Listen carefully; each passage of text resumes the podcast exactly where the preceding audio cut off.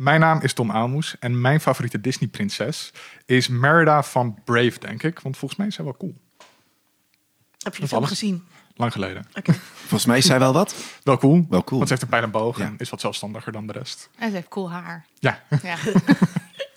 Eh, mijn naam is Marilotte Hagen en mijn favoriete Disney-prinses is eh Meg uit Hercules. Ik Oeh, love haar. ja. Ze is een soort sarcastische mannenhater en dat past mij heel goed.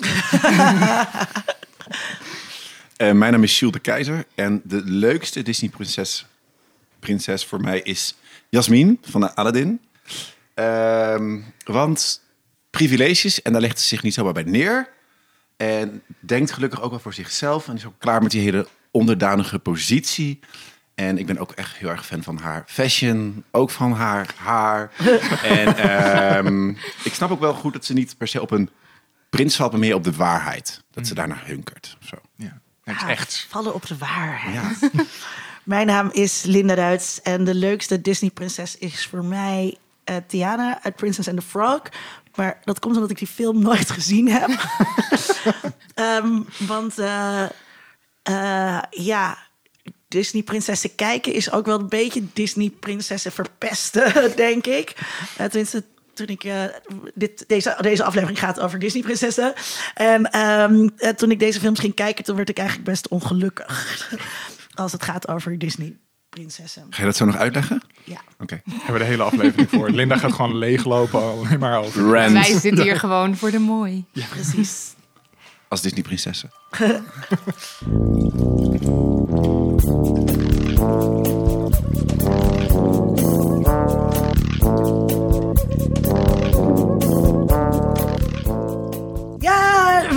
twee eh, ervaren podcastmakers eh, te gast. Marilotte is er. Hallo. het begon met een pamflet. Het begon met een pamflet, ja. Damn Honey. Toen kwam er een podcast, Damn Honey. En toen kwamen er nog meer boeken slash pamfletten. Het liep volledig uit de hand.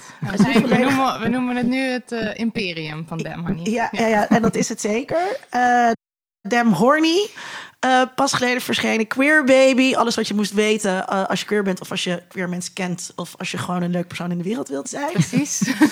En ehm, wat, eh, wat, wat zit er nu in de koker?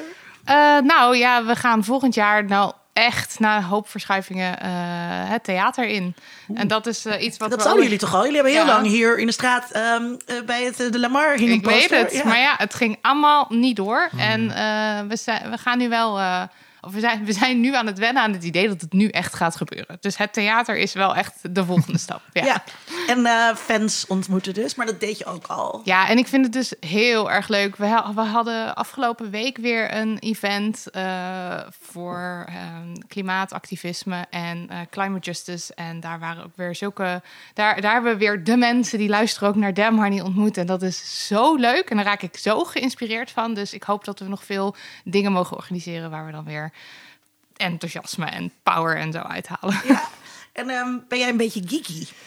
Ehm, nou, dat, dat weet ik niet zo goed eigenlijk. Want ik ben er wel achter dat als ik eenmaal een soort van de opdracht krijg om me te verdiepen in een, in een onderwerp, dat ik het dan heel leuk vind. En ik ben er ook wel achter dat elk onderwerp eigenlijk wel iets interessants heeft. Ik had laatst dat ik helemaal into wietplanten opeens dook, omdat ik wietzaadjes ging kopen voor iemand. En toen dacht ik, oh mijn god, er zit een heel verborgen wereld. ja, en het was ook echt helemaal. En toen ging ik, voor, ging ik naar Sensi Seats in, de, in het centrum. En er waren hele gepassioneerde mensen. En ik dacht, ik wil ook lid worden van de Wietclub. Dus dan kan ik daar zo helemaal in zijn. Maar dat is dan een soort tijdelijke.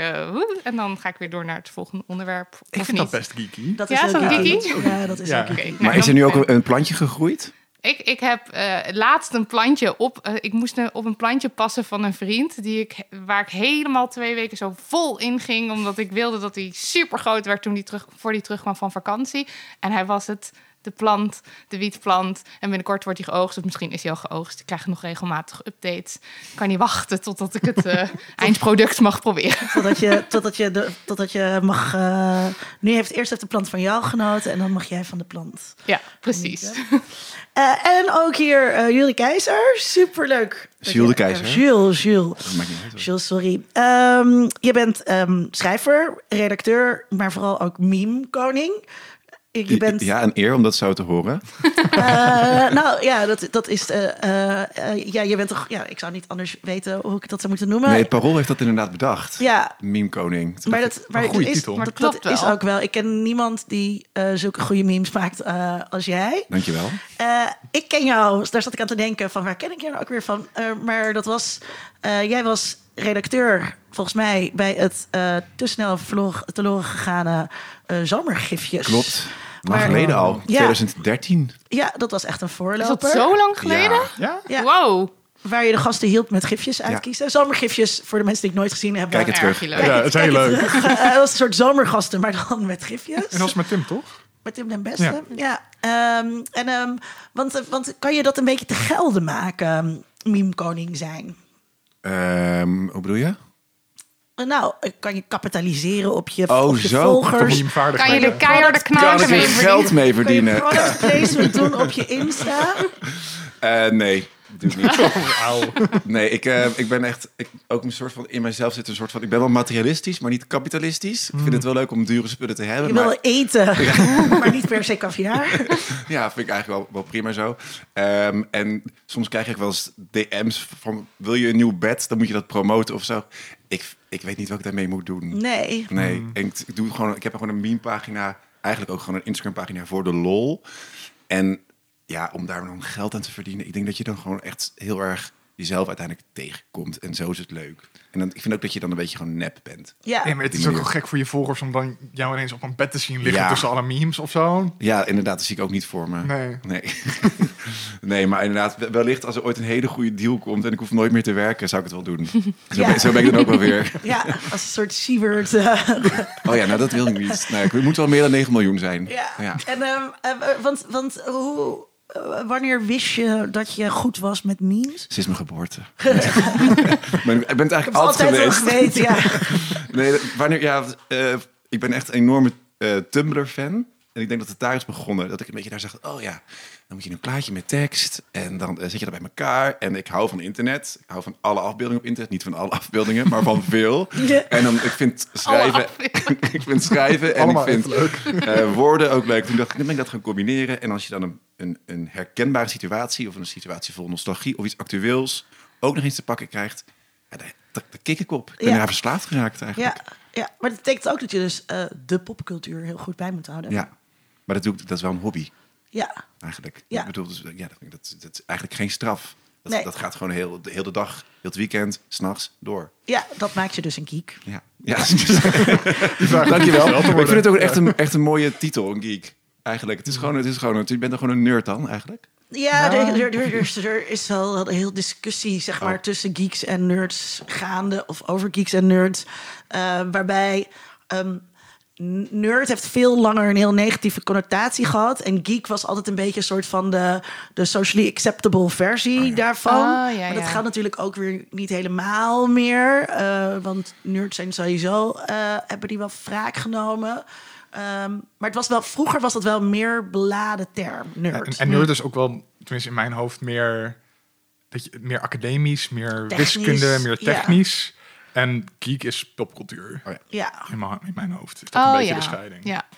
ja. Oh, dan zou ik me inderdaad ook wel meer een geek noemen dan een nerd. Dan, ja. Ik ben wel slecht met natuurkunde en zo. Dat soort Ja. dingen. Ja. Ehm, eh, we hebben hier een aflevering over gemaakt. Ik wilde dus net vragen. Dit kan niet anders dan dat jullie dit besproken Ja, we hebben. hebben hier een aflevering gemaakt eh, voor het eh Tech Oh, dat was het Tech Podcast Festival, Festival ja. over ehm, nerds en geeks. Ja, En in, in de popcultuur. Volgens mij. Dus Ja. hebben we Freaks and Geeks en Revenge of the Nerds en andere soort Weird Science. Ja, volgens mij hebben we nog wat dingen besproken. Eh, Maar misschien. is, is het ook zo dat geeks en nerds alles onthouden? Want ik heb bijvoorbeeld een heel slecht geheugen. Ik kan alles kijken. Bijvoorbeeld Freaks en Geeks heb ik gezien. Ik weet niks meer van. Ik ben echt een safe, dus daar, daar ligt het niet Nee, aan. oké, dat is het dan niet. Oké. Ik, weet- ik, ik weet vaak soms de namen van mijn vrienden niet meer laten staan. Oké, nou dan zit ik hier veilig. Eh, details Ja, en er- weetjes. er, er gaat geen over- toets met feitenkennis komen. Gelukkig. Nee, nee, nee. Ehm, ja, laten we het hebben over wat we de afgelopen tijd gezien, gelezen, gegamed. Wat dan ook hebben. Marilotte, mag ik met jou beginnen? Ja, ik, ik denk dat Jules en ik misschien wel hetzelfde antwoord hebben. Ik weet het niet. maar we zijn denk ik allebei helemaal weg van Anne Plus. We waren Mm. vorige week beide. Hebben jullie aanwezig. gezien? Ja, ja, ja. We waren op de Al twee première. Oh, ook ik nog maar één keertje. Dus jij loopt me. Ja, wil jij het verhaal afmaken? Jij Nee, weet het beter. nee, gewoon heel blij. Eh, Anne Plus, de bioscoopfilm is uit. En eh, nou ja, een vervolg op, eh, op, de seizoen, op seizoen 1, webserie. En seizoen 2, dat was een televisieserie. Ja, voor Netflix. Netflix-serie. En, eh, en nu is de bioscoopfilm er. En Anne en haar vrienden krijgen eh, hartstikke veel screentime. En I love it. Ik heb echt, nou ja, mijn vriendin was mee en die was alleen maar aan het huilen. En ik Oh. was eh, ongeveer de helft van de film aan het huilen. En het was geweldig. En, en moest je huilen omdat het zo tof is om Ja. allemaal queer representaties te zien? Of omdat het ook ver- heel verdrietig is? Nee, queer, eh, queer representatie, herkenbaar. Het, het is gewoon heel erg je eigen leven terug. Ook omdat het zich in Amsterdam afspeelt natuurlijk. Heel erg je eigen leven terugzien opeens op, eh, op scherm. Eh dat, dat e- eeuwige heteronormativiteit... waarbij de mannen en, eh, een man en een vrouw eh, relatie krijgen. Dat is allemaal gewoon ver te zoeken. Lof alles en niks wordt geproblematiseerd. Want het is natuurlijk ook altijd zo... dat het allemaal maar moeilijk is als je uit de kast komt. Eh, en dat was ook niet zo. Nee, alleen maar liefde. Het is ook gewoon echt een, een film vol met kracht. En, en ook om heel veel andere queer mensen of, of mensen die daarin geïnteresseerd zijn. Of mensen die nog niet weten wat ze zijn. Om die te inspireren, om die ook kracht te bieden. En je, je wordt er gewoon, het is een emotionele rollercoaster. Waar je, waar je echt met een enorme rugtas vol met toffe momenten gewoon uitkomt. Echt, echt een tip, ga daarheen. En ehm, ook over uitverkochte hal. waar ik het zag eh, deze week. Ja. is het voor jullie belangrijk dat de queer personages ook allemaal door queer acteurs gespeeld worden? Ehm, Dat is natuurlijk een hele discussie. ja, dat is een hele discussie. En ik, eh, ik, ik denk wel dat dat nu heel belangrijk is, omdat het op dit moment helemaal niet gelijk getrokken is. Of zo. Het is niet dat zeg maar, het soort van 50-50 is dat queer, ehm, queer mensen. eh, eh, straight personages spelen. Maar het is, het is gewoon een enorme enorm balans, eh, balans enorm verschoven. Dus ja, ik denk wel als je dat een beetje gelijk wil trekken, dat het voor nu heel belangrijk is dat er in ieder geval een groot gedeelte van de cast en crew queer is. Volgens mij Ja, dat queer mensen überhaupt gewoon een, een baan kunnen Ja, krijgen in de filmindustrie. Ja. En ja, en dat je dus dat je, dat je queer mensen op plekken ziet waar je dus ook kan denken: wow, oké, dat kan ik ook. Of Hmm. eh, dit is een leuk voorbeeld. Of hierdoor raak ik geïnspireerd. Dus ik vind dat wel heel belangrijk. Ja. Ja. Eens, ik ook. Ja.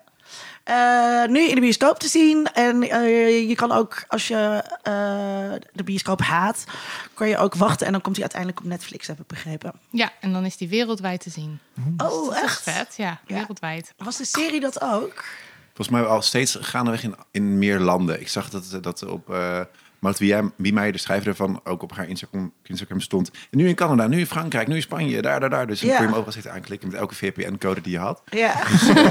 Gewoon even checken of je er echt op staat. ja. Dus, dus toen was hij er ook al overal. Maar nu eh, is het, wordt het de hele tijd ook besproken over heel de wereld. ja. Dus dat is tof. Dus ook met subtitles, misschien wel ook gesyn- nagesynchroniseerd. Dat is altijd zo grappig. Want dat was al bij ehm, eh, Undercover ook. Als je Ja. dan de aftiteling laat lopen, dan, dan zie je dus de cast voor de Italiaanse eh, nagesynchroniseerde versie. Ja, Anna Drijver heeft volgens mij ook een keertje erover verteld dat ze dan heel veel berichten uit Brazilië krijgt van oh, wat ben je tof en Ja. eh, wat heb je een mooie stem ook en zo, maar dat is helemaal niet haar stem. Ja, Heel grappig.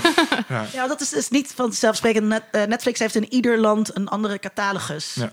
En met andere rechten. En eh, ja, Dat zie ik niet.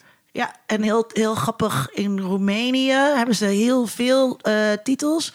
Maar in Roemenië is bijvoorbeeld, ehm, eh, hoe heet dat uit India? Bollywood shit heel populair. En dat komt dan weer omdat, dit is wel een nerd weet je. Oké, Eh. Dat komt dan weer omdat ehm, eh, eh, tijdens de, het communisme mocht er natuurlijk in Roemenië geen Amerikaanse popcultuur afgespeeld worden. En toen zijn ze dus allemaal dingen uit, uit India gaan halen. En daar Ah. hebben ze dus een rijke traditie aan dat. Oh, wat. Nou, Wat- dat vind ik een hele heel goed weetje, ja. interessante. Ja. Nou, dat was het, weet je. Kan je Bedankt. Netflix ook op Oekraïne zetten dan? Of hoe kunnen we dat ook? Als je de Oekraïense VPN hebt. Ga je- en, en dan kan jij controleren of Anne Plus daar inderdaad op Ja, dat ga staat. ik doen. Ja. Eh Gilles. Ja. Nou, ik had hier ook staan, tip, de punt Anne Plus. Maar goed, dan heb ik daar ook Sorry. erachter, daarachter gezet. Als Anne Plus al wordt gezegd, dan deze dingen. Staat er echt. Ehm, ik had sowieso, ik ben een enorme fan van de beste zangers. Ja, dat is. eh, ik moet het altijd in mijn eentje kijken. En ik kan het ook met één iemand er wel eens over hebben. Die kijkt het ook wel eens. En dan, dan, maar die, die hebben nooit tijd om het samen te kijken. Maar er was pas geleden een aflevering met Belle Perez En met Van haar ben ik ook gewoon groot fan al heel lang. En dan gaan ze dus een soort tribute doen aan die, aan die zanger, aan die artiest. Dan zingen ze nummers van, van die persoon, maar dan ook gewoon nummers die ehm, die persoon heel belangrijk vindt. Het is gewoon zo'n mooie aflevering, maar ik vind elke aflevering van Beste Zangers al jarenlang te gek. Het is, het is, best, wel, het is best wel simpel, het programma zelf. Ehm, maar ik hou, van, ik hou altijd helemaal even af van covers. Dus als een, als een nummer wordt gecoverd, vind ik de cover vaak mooier dan het origineel. Ik weet niet wat dat, wat dat, waarom dat is. Maar eh, dit programma is gewoon één en al cover. En ze gaan ook nog eens met elkaar praten waarom dat nummer is uitgekozen. En eh, die aflevering van de Be- Belle Perez zit ook zoveel liefde in. En er zit ook het nummer van Mecano Hijo de la Luna zit erin. En dat wordt ehm, gezongen door eh, Karsu. En eh, een Turks-Nederlandse zangeres. En dat is zo ontzettend mooi. Het, ik heb het op repeat, ook de hele tijd op, mijn, op mijn Spotify. En maar die hele aflevering is leuk. Ik weet dat ik nog twee afleveringen Beste Zangers te gaan heb. Ik spaar ze op, anders ben ik bang dat het weer afgelopen is. Ehm, ja, dat is, dat is, dat is genieten. En kijk je het dan niet eh, terug ook, zeg maar? Nee, ik kijk het altijd terug. Ja. Ehm, Nee, maar ik bedoel, kijk, meer, kijk je dan niet meer, meermaals? Ehm, ik heb die van Belle Perez wel meermaals gekeken, ja. Ja.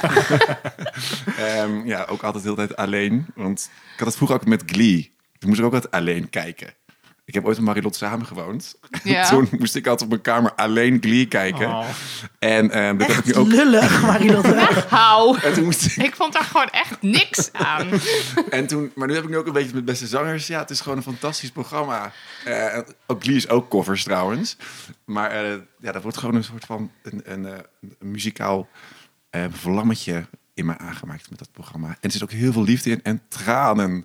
Fantastisch. Nou, ik ga het nu ook een keer kijken. Ja, ik ga Ja. dit nu ook kijken. dit is wel een hele goede aanrader. Ja. Ja. Had je nog meer dingen op de reservelijst Ja. staan die je wilt delen? Ja, ik, ehm, het programma ehm, Boerderij van Dorst.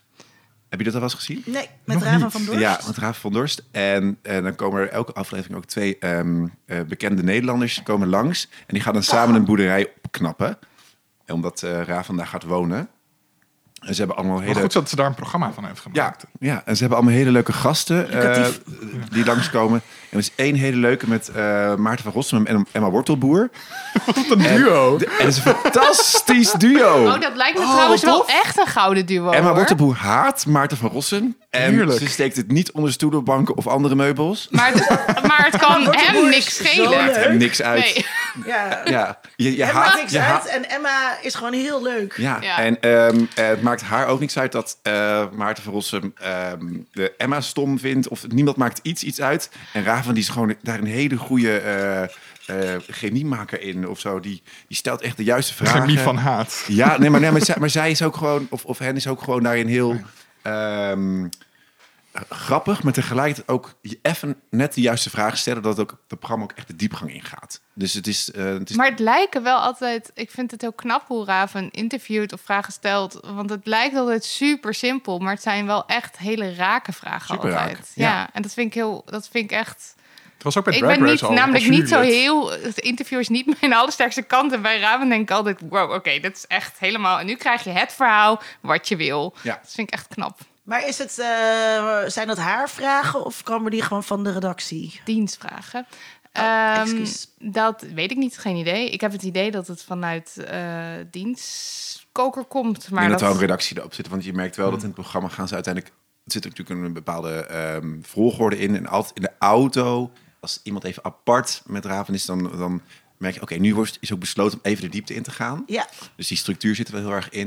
Maar tegelijkertijd is het ook echt eh, heel layback. En doen ze gewoon lekker allemaal hun ding. ja. En kan Raven dat misschien ook gewoon die rol van presentator heel goed vervullen en heel goed eh, die vragen heel geïnteresseerd en Ja, oprecht. nee, heel, heel. Ja, juist. Eh, dus, dus spelen komt- tussen komt- komt heel aanhalingstekens, natuurlijk ja. over. Dat Ja. Is dat, omdat het ook natuurlijk is. Komt echt uit, uit een goed hart, Ja, ja, om het zo maar te zeggen. Ja, ik ga dit wel kijken. Ik hoorde inderdaad allemaal enthousiaste eh, reacties op Twitter ook Ja, al. het is superleuk. En Raven is ook gewoon een heel bijzondere persoon. Heel. ja. Ja. Mm. En is ook leuk als eh, jurylid in eh Drag Race. Drag Race Ja. Holland. Ja, Oh, dat, moet, ik dan, dat moet ik nog kijken. Ja. ja terugkerend jurylid. Ja, als mooi contrast tegen Carlo Boshart, die ik echt haat. Oh, ik als vind Carlo fantastisch. Chapeau, chapeau! Ik ga Ja, nu met deze stem iets zeggen, want ik ben een theaterman. Fantastisch. En dan ook nog eventjes een throwback naar de tijd dat ik dacht dat eh, Irene Mors en Carlo Boshart getrouwd waren. Oh, Dat dacht, dat, 100% dacht ik dat ook. Ja. Heb ik je dat verteld dat het niet Ja, zo dat was? heb jij maar. Oh. Dat, toen was ik echt al dik 25 plus. Oh, Het duurde nee. heel lang voordat ik het wist. nee, ik was er op mijn tien al een beetje van, Ja, van nee, dat ik had af. geen idee. Nee, werkelijk geen idee. Ik ben ook achtergekomen dat je niet de enige bent trouwens. Er, er is nog iemand van wie ik dat wel eens hoorde, die, dacht ook, die dacht ook dat zij ooit getrouwd waren. Maar dat, ja, je weet dat Het het niet zo dus is. niet zo. Nee, ik weet het. Maar, laatst maar het is ook toch niet gek, zeg maar, dat als je als kind Telekids kijkt en je hebt... eh, eh, En je ziet Carlo alleen en maar de als- hele tijd zo als van... als je een man bent, dan krijg je een vrouw. En dan zie je een duo. Ja, een man en een denk je, ja, vrouw, dat ja. moet wel een liefdeskoppel zijn. Getrouwd. Vrienden zijn? ja, ik vind dat niet heel gek. En als, Nee, als, je niet. dat dan, als dat niet gecorrigeerd wordt, ja, dan blijf je dat denken. Ja. Ja. Maar wel schattig ook. Shout-out naar Telekids trouwens. Ja. Tom, Ehm, ik ga heel erg schaamteloos terugblikken op iets dat ik zelf heb uitgebracht. Eh, sorry, het spijt me. oké, Eh, doe maar de plug. Kom maar door. Ik, ik, ik doe gewoon nu de plug. Eh, ik heb vorige week Alle Geschiedenis Ooit gelanceerd. Nieuwe podcast die ik maak vanuit Dag en Nacht Media. Met onze hoofdredacteur Arco Gnocchi en Nienke de Jong van Ik en Iemand Die. En dat is heel erg leuk geworden. Wat voor podcast is het? Het is een, bedankt voor deze doorvraag. We, we- we vertellen aan elkaar wat wij de interessantste verhalen uit de geschiedenis vinden. Dus heel erg een soort van laid back, een beetje zoals we hier gewoon ook soms doen. En ehm, dat gaat heel erg goed. We mochten bij langskomen op Nieuwsbv en dat was heel erg spannend. je was in één keer ben je Ik al gewoon helemaal Het- het was gebombardeerd. echt- ja. Voor je het weet mag je meedoen aan Expeditie Robinson. Oh nee. En, en wat is dan jouw persoonlijke geschiedenisverhaal? Ehm, ik eh, eh, ehm, was ooit van plan do- docent geschiedenis te worden, maar dat is hem niet geworden. Ehm, maar ik ben er altijd gewoon dingen over blijven lezen. En dan vooral soort van moderne, beetje politieke geschiedenis, revoluties. Dat vind ik allemaal heel erg tof. Eh, dus ook mijn eerste verhaal is, dat ik vertel is hoe eh, koning Willem II gechanteerd is met zijn seksualiteit in 1848. En dat we daaraan onze liberale grondwet te danken hebben. Marilotte Een soort- gaat nu Hè? helemaal... Ja. Koning? Willem II Ja, was ja. niet Weer getrouwd met geschiedenis? Irene. Ja, ja, ja. Maar door. Maar dit is, dit- nee, maar dit is ook. Eh, eh, een van onze co-hosts noemde het een Me Willem Toetje. Eh, heel corny. Maar ehm, Willem II, ehm, ja, er is gewoon iemand soort van seksueel aangevallen. Een man. En die beloofde hem helemaal de wereld. En die begon hem te zoenen. En zei van, ja, als je doet wat ik wil, dan geef ik je oorkondes. En geef ik je geld en weet ik veel wat en dat soort dingen. En die man is toen weggerend. Maar die besloot hem daar wel mee te chanteren. Voor heel veel geld. En uiteindelijk kwamen li- liberale activisten daarachter.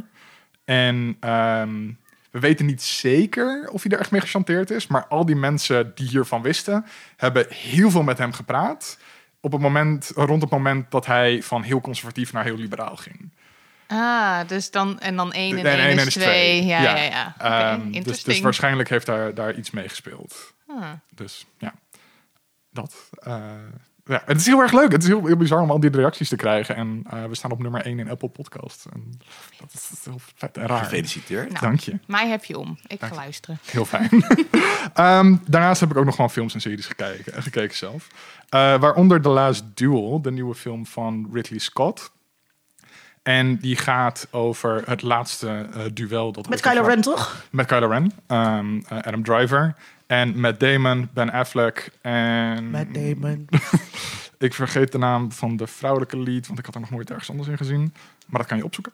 Ehm, maar het gaat heel erg om haar. Ehm, dat is ook wel lullig dat ik haar naam dan niet weet nu. Het Ja, dat kan eigenlijk niet. Dat zou ik eigenlijk niet kunnen. Ja. Ehm, Lin- Linda is het voor mij aan het opzoeken. Eh, en dan vertel ik ondertussen vrolijk verder. Eh, en het gaat dan over ehm, de vrouw van een edelman die wordt verkracht door. Zij eh, Jodie Comer. Oh ja, Jodie zij Comer, is ja. uit... eh, hoe heet het nou? We, kennen haar Ja, uit, Killing Eve, ja. uit, Ja, ja. uit Rise of Skywalker. Oh, daar zit ze ook in. ja, En vooral Killing Eve. Ellen Killing Eve. Ja. Eh, maar dat, dat verhaal van die verkrachting en het daarop volgende duel tussen de man en de verkrachter eh, wordt eerst verteld vanuit de man, dan vanuit de verkrachter en dan vanuit het slachtoffer.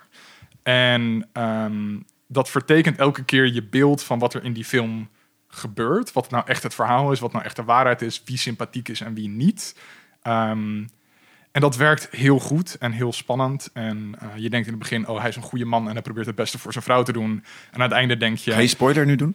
Eh, nee. Ehm, vind je hem minder sympathiek? Eh, nou ja, ik bedoel, hij, Nice ziet, hij, ziet, hij ziet zijn vrouw als bezit. Dat, daar komt het in Ja, principe maar ik dacht dat het gewoon een hele platte actiefilm was. Nee, Toen ik de totaal niet. Zag, Nee, nee, nee, toen, absoluut niet. ehm, was, het, was het gewoon een soort verhaaltje over... Dit is veel meer een politieke thriller met aan het einde een soort van heel heftig duel. Wat echt een van de beste gevechtscènes is die ik ooit heb gezien. Ehm, het is echt heel spannend, omdat het, het, eh, de stakes zijn zo hoog voor iedereen in het spel. En, en, en ook, ook de emoties zijn zo complex dat je er gewoon er helemaal in meegaat in, in dat laatste duel. Ehm, wel één ding. Het gaat om een verkrachting. En die verkrachting zit er, omdat het vanuit meerdere perspectieven verteld wordt, twee keer in. En de eerste keer vanuit het perspectief van de verkrachter. En dat is al onprettig. En de tweede keer vanuit het perspectief van de verkrachte. En dat is nog veel heftiger en naarder om naar te kijken en pijnlijker. En die film waarschuwt hier niet voor. Hmm. Dus dat Eh, doe jij nu bij deze. ja, dus daarom zeg ik nu bij deze Ze van... moeten er eigenlijk niet heen. Ik, ik vond het een hele goede film. En ik vond deze scène ook wel... ehm, hoe zeg je dit? Met de juiste gravitas gedaan. Met de juiste emoties erbij. Met de juiste setting erbij. Ook omdat je dus die vanuit die twee spe- perspectieven krijgt. Als je alleen dat eerste perspectief vanuit de verkrachter krijgt... is het totaal fout. Ja. Maar je weet al, dan... Je, je krijgt de andere kant nog van. Ehm, maar ik vind het wel heel heftig dat, dat de film dat zo gewoon onaangekondigd zit van... oh ja, en hier is nu de volledige nou, verkrachting. maar dus vooral ook omdat die trailer je dus helemaal niet op dit been zet. Nee, nee, totaal Die niet. trailer... Is er wel duidelijk uit de trailer wat er, wat er gebeurt? Of wat? Nee, in die trailer gaat het heel erg over eh, rivaliteit tussen twee mannen over een vrouw. Zonder Ja, dat, maar dat dus is dus duidelijk is de film, waar- nee. waarom dat is. Of dat je gaat kijken naar een beschouwing op eh, seksueel geweld. Ja, en dat is wat het is. Het is een beschouwing ja. op seksueel geweld en machtsrelaties tussen mannen en vrouwen eh, in de 14e eeuw. Die trailer is gewoon nu. ridders, kastelen, denderend geluid, hi- historische actiefilm. Ja. Game Ja. of Thrones. Ja, en het is natuurlijk ook van Ridley Scott heeft hiervoor Gladiator en Kingdom of Heaven geregisseerd. Ja. Dus dat maakt ook wel dat je zo'n soort film verwacht. En Maar zo'n hoe, soort hoe film heet is die het film niet. eigenlijk? Want The Last Duel. Oké. Ja. En Ah. is hij nu in de bioscoop? Hij is nu in de bioscoop. Ja, ehm, dus als je denkt dat je dit kan hebben, ga hem vooral zien. Ik vond het echt een hele goede film. Ehm, maar dus met deze waarschuwing erbij van, van pas op. Hij is wel heftig. Oké, ehm, ik heb gekeken naar ehm, eh, Sex Education. En daar moeten we het even over hebben. Ehm, want eh, iedereen is heel lovend over deze serie. Oh, dit is echt de seksuele voorlichting die ik nooit heb gehad. En het is zo fantastisch. En deze serie is zo geweldig. En bla bla. En daar, daar kan ik nooit zo goed tegen. Als iedereen, eh, als iedereen zo uit de, bocht, uit de bocht vliegt. het dan jeuken? Ja, want dan denk ik, wacht even. En eh, er zat natuurlijk in seizoen 2 zat een enorme blunder over de clitoris. ja, daar heb ik me ook dood aan geërgerd. en dat, dat, was, dat was echt heel erg. Dus eh, de clitoris is niet een klein knopje eh, in de vulva, maar is dus wel lichaam dat van binnen zit. En in seizoen 2 legt Gillian Anderson, die dus een seksuoloog speelt, legt daarover iets uit. En dan neemt ze zelf dat kleine knopje, haalt ze dan ook echt uit van zo'n vagina-model, weet je wel? Dus je kan het er ook uithalen, waardoor het dus nog duidelijker mis... is dat, ja, dat ze zo'n knopje... Ge- dat ja, een knopje heel is. bizar. Ja, en dat is en Ja. dus niet. Maar dan heb je dus echt een soort van... Dan moet je ook op zoek naar een model dat niet klopt. Nee, maar kijk, het is Of- natuurlijk zo dat in heel veel voorlichtingsboeken dit verkeerd staat. Het is pas de afgelopen jaren dat je overal die 3D-modellen van de clitoris rond ziet gaan. Ik weet dat er de eh, Nationale Wetenschapsquiz, die Sikko de Knecht had georganiseerd. Toen was dat ook een vraag. En toen zag je zo dat 3D-model. Toen was dat dan mee in de, in de uitzending van hoe zit, of in de studio van hoe zit het er. Wat is dit? Dat moesten mensen toen raden. Nou, dit is nou, dit is nou hoe de clitoris eruit ziet. Maar dit is dus pas sinds een paar jaar. En het is ook pas sinds kort dat het in het eerste voorlichtingsboek in Nederland eh, goed staat. Maar ehm, het is wel belangrijk dat als je als serie zo jezelf ook de beste wil prijzen, dat gewoon al je kennis up-to-date is. Dit, dit hadden ze gewoon moeten weten. Er zitten ook heel veel goede dingen in hoor. Eh, maar er zitten nog wel wat meer dingen in. Dus in eh, seizoen drie ging het bijvoorbeeld over. ehm, eh, de schaamlippen. En dat eh, iemand zei: Ja, oh, mijn, schaam, mijn binnenste schaamlippen zijn groter dan mijn buitenste.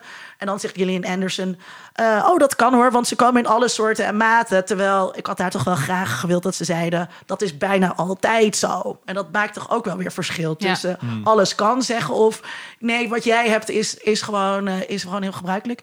Nou, zo zijn er nog wel wat meer dingen mis. Eh, dat heb ik allemaal de afgelopen weekend in de opiniestuk voor het Parool eh, opgeschreven. Ehm, ook over. dus, een- een heel diverse eh, cast. Ehm, maar de onderlinge verhoudingen weerspiegelen dat eigenlijk niet. Dus nog steeds wordt de gay gepest door de jocks, zeg maar. Dus het is ook maar de vraag... wat voor betekenis haal je daar nou uiteindelijk uit? Dus ik was hier een beetje... ik was kritisch op, eh, op de inhoud van die serie. Dus dat zat allemaal in dat opiniestuk. Maar boven alles vond ik dit seizoen... saai. Seizoen 3 Oh. vond je De ergste saai. misdaad. Saai, de ergste misdaad. Ja, het, het, het, het, het, de seksuele voorlichting is er echt een beetje bijna prekerig ingestopt. Van, oh, nu krijgen we weer een momentje waarin iets uitgelegd gaat worden. Het is ook lastig, zeg maar, als je drie seizoenen seksvoorlichting maakt. Op een gegeven moment moet je weer opnieuw beginnen. Want met seksuele, ja, iedere groep jongeren moet opnieuw voorgelicht worden. Ehm, ik, volgens mij is het programma voor volwassenen... die dan heel nostalgisch kijken naar die muziek... en die, en die interieurs uit de jaren tachtig... en denken, oh, was ik maar zo voorgelicht. Ehm, en er gebeurt dus niet zoveel. Juist omdat dus ehm, eh, die vrienden allemaal heel lief zijn voor elkaar... en heel begripvol. En je hebt gewoon conflict nodig... wil je een dramaserie kunnen maken... Eh, en dat vind ik echt wel de grootste misdaad. Ja, dus ik ga een vierde seizoen denk ik ook niet meer kijken. Dat komt er wel aan. Dat is wel aangekondigd. misschien dat heel veel mensen dit zeggen, dat ze er wel van gaan leren. En dan denken, nou dan gaan we seizoen 4 even helemaal upspicen en het totaal conflictvol maken. Nou, En alles denk ik niet, want de meeste mensen zijn wel heel enthousiast Oh. over de... Ja. Ja. ik heb tot nu toe de schijn opgehouden dat ik seizoen 3 heb gekeken, maar dat heb ik dus nog Ah, niet gedaan. Dan heb ik het nu misschien eens voor je verpest. Nee, maar ik heb wel. wij- De, eh, eh, Nidia en ik, Nidia, mijn partner in crime, en ik hebben het eh, boek vertaald. wat nu eh, naast de serie is uitgekomen. Dus ook seksuele voorlichting. Daar staat de clitoris, godzijdank, wel gewoon in haar volle glorie in. Ja. En ik vond het ook. Ik blijf het ook bizar vinden dat knopje echt. Maar dat boek is dus ook best wel. Is wel echt wel het boek wat ik had gewild vroeger. Maar is dat dan... eh, hoe verhoudt het zich dat tot die serie? Ja, de personages die. Er worden wat, ehm, eh, wat dingen die ze meegemaakt hebben in de serie worden wel uitgelicht. Zo van, oh, en dit is een ding weet met consent. Of, ja, of Ja. eh, Adam was zo boos en, blah, en hij moest praten met iemand. Ja. Zo.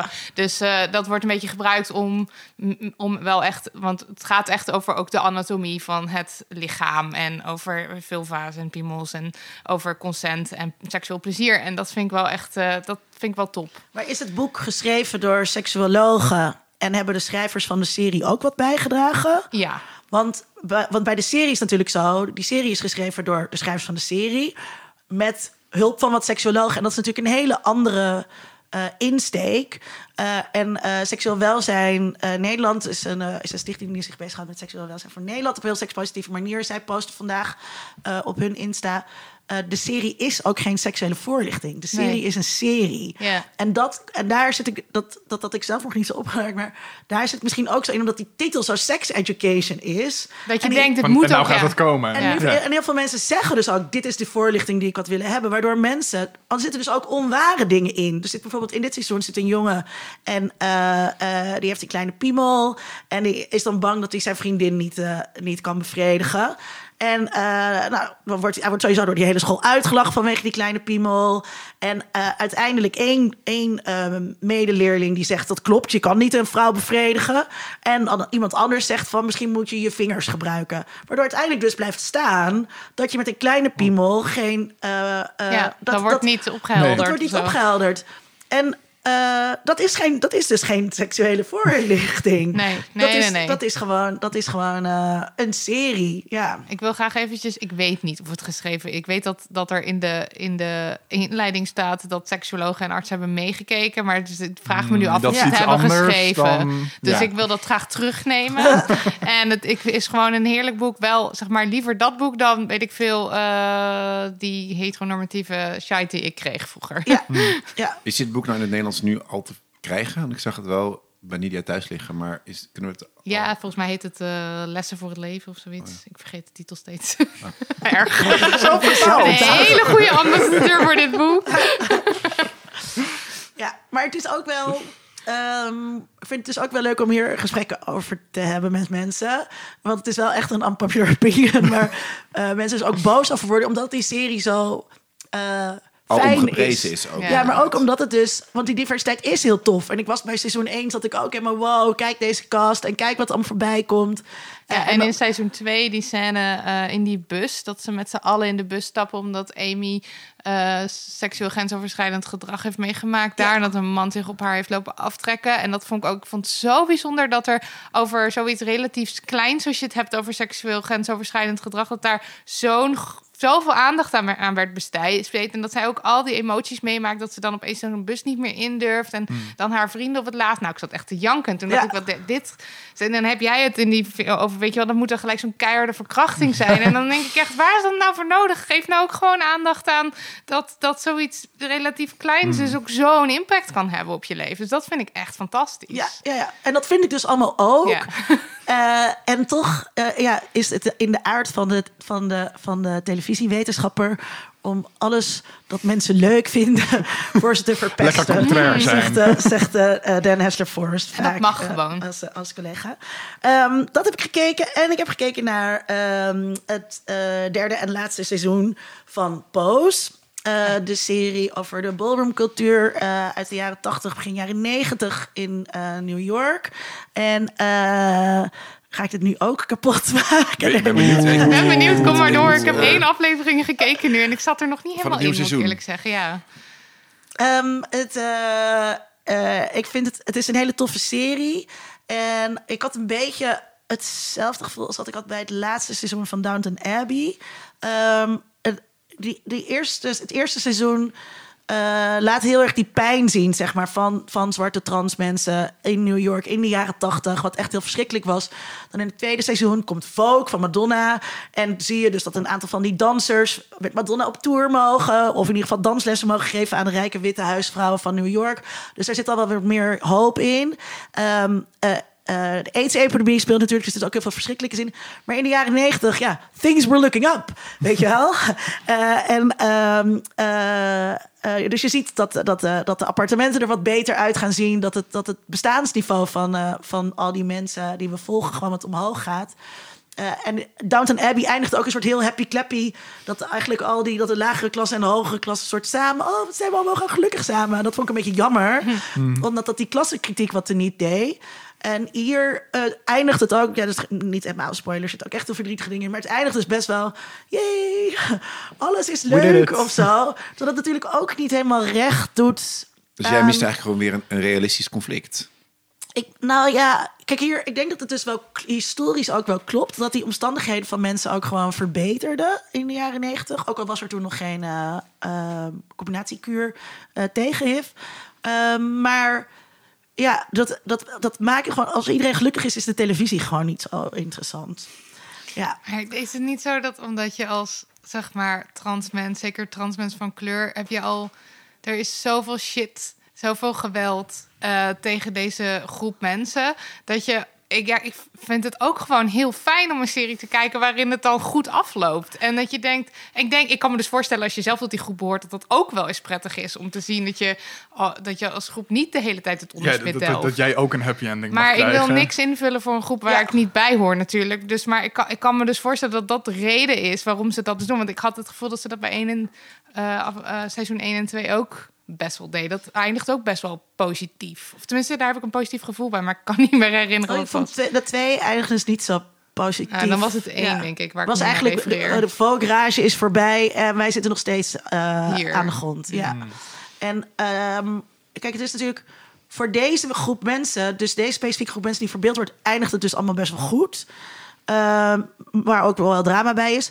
Maar eh, de positie van trans mensen in de jaren negentig was natuurlijk verre van Ja, eh, goed. Ja. Dus, het is, dus je had dat ook, ja.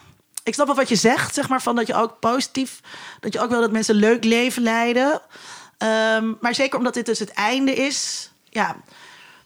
Het voelde, het voelde dus ook weer onrealistisch of zo. Ja. Ja, en dan denk ik, dan vraag ik me dus af, is het dan misschien niet goed dat dat dan onrealistisch is? Ja. Want dan krijg je een beeld te zien wat misschien dan niet klopt, maar wat misschien wel weer een voorbeeld zet voor wat we graag willen. Ja. Ja.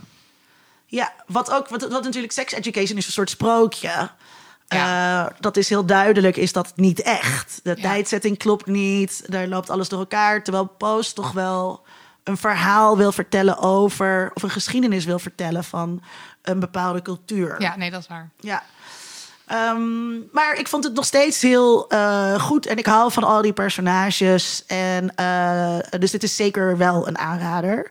En dit moet je niet, niet met een zure blik kijken of zo. Zo bedoelde ik Nee, het ik helemaal moet, niet. ik moet seizoen 2 en seizoen 3 ook nog kijken. Ja, doe dat vooral. Ja. Want het is echt Echt wel de moeite Ik ben nu, waard. al- ben nu ook helemaal benieuwd. Ik ga er ook wel misschien met een... Ja, eh, wat, eh, ik ben niet zo heel kritisch zelf. Maar eh, met een misschien iets kritischer oog naar kijken. Ja. Of gewoon niet. Of, gewoon, of gewoon met een blije blik. Ja, Ja. een blije blik. Mag ja. ook gewoon.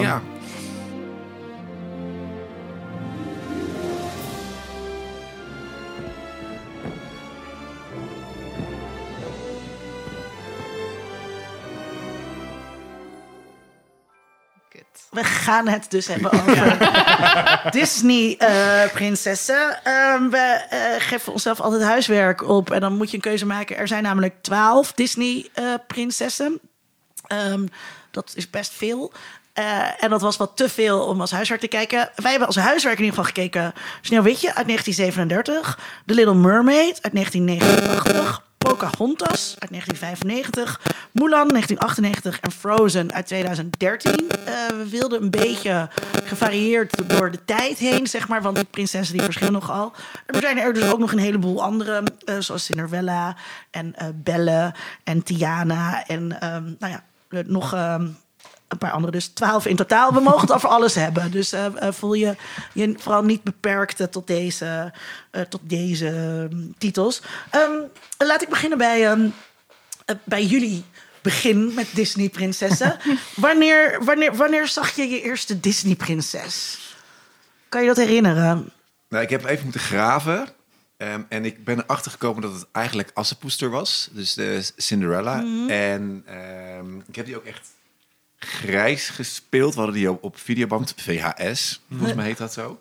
En ehm, ja, het heeft heel veel indruk gemaakt op mij, dat verhaal. Ik, heb, ik, ik wil dat ook echt alleen maar zien. Gewoon die, die magische wereld dat zij van met een lelijke jurk naar een mooie jurk gaat. En, en een pompoenenkoets en die bibbidi babbidi boom vee.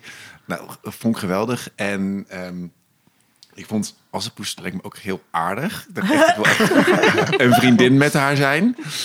En ik was ook eigenlijk vond ik het leuk dat ik ging ook wel aan op die twee stiefzussen nog die er om, om, rondom liepen. Ik vond het ook best wel zo evil en cool. En wat echt op wat ik echt eng vond was er is een scène in Assepoester en als die stiefmoeder die echt meestelijk slecht is eigenlijk, als die die, die heeft zo'n ehm, blik en dan wordt het beeld donker. En zie je alleen nog maar uiteindelijk haar ogen die dan geel worden en, en het hele beeld overnemen. Ja, dat zit zo'n stukje evil in die film. Terwijl het echt voor de rest een, een sprankelende, ehm, nou, soort van feestelijke, gezellige film is van een, van een meisje dat toch haar dromen najaagt en dan in een mooie jurk op een bal is.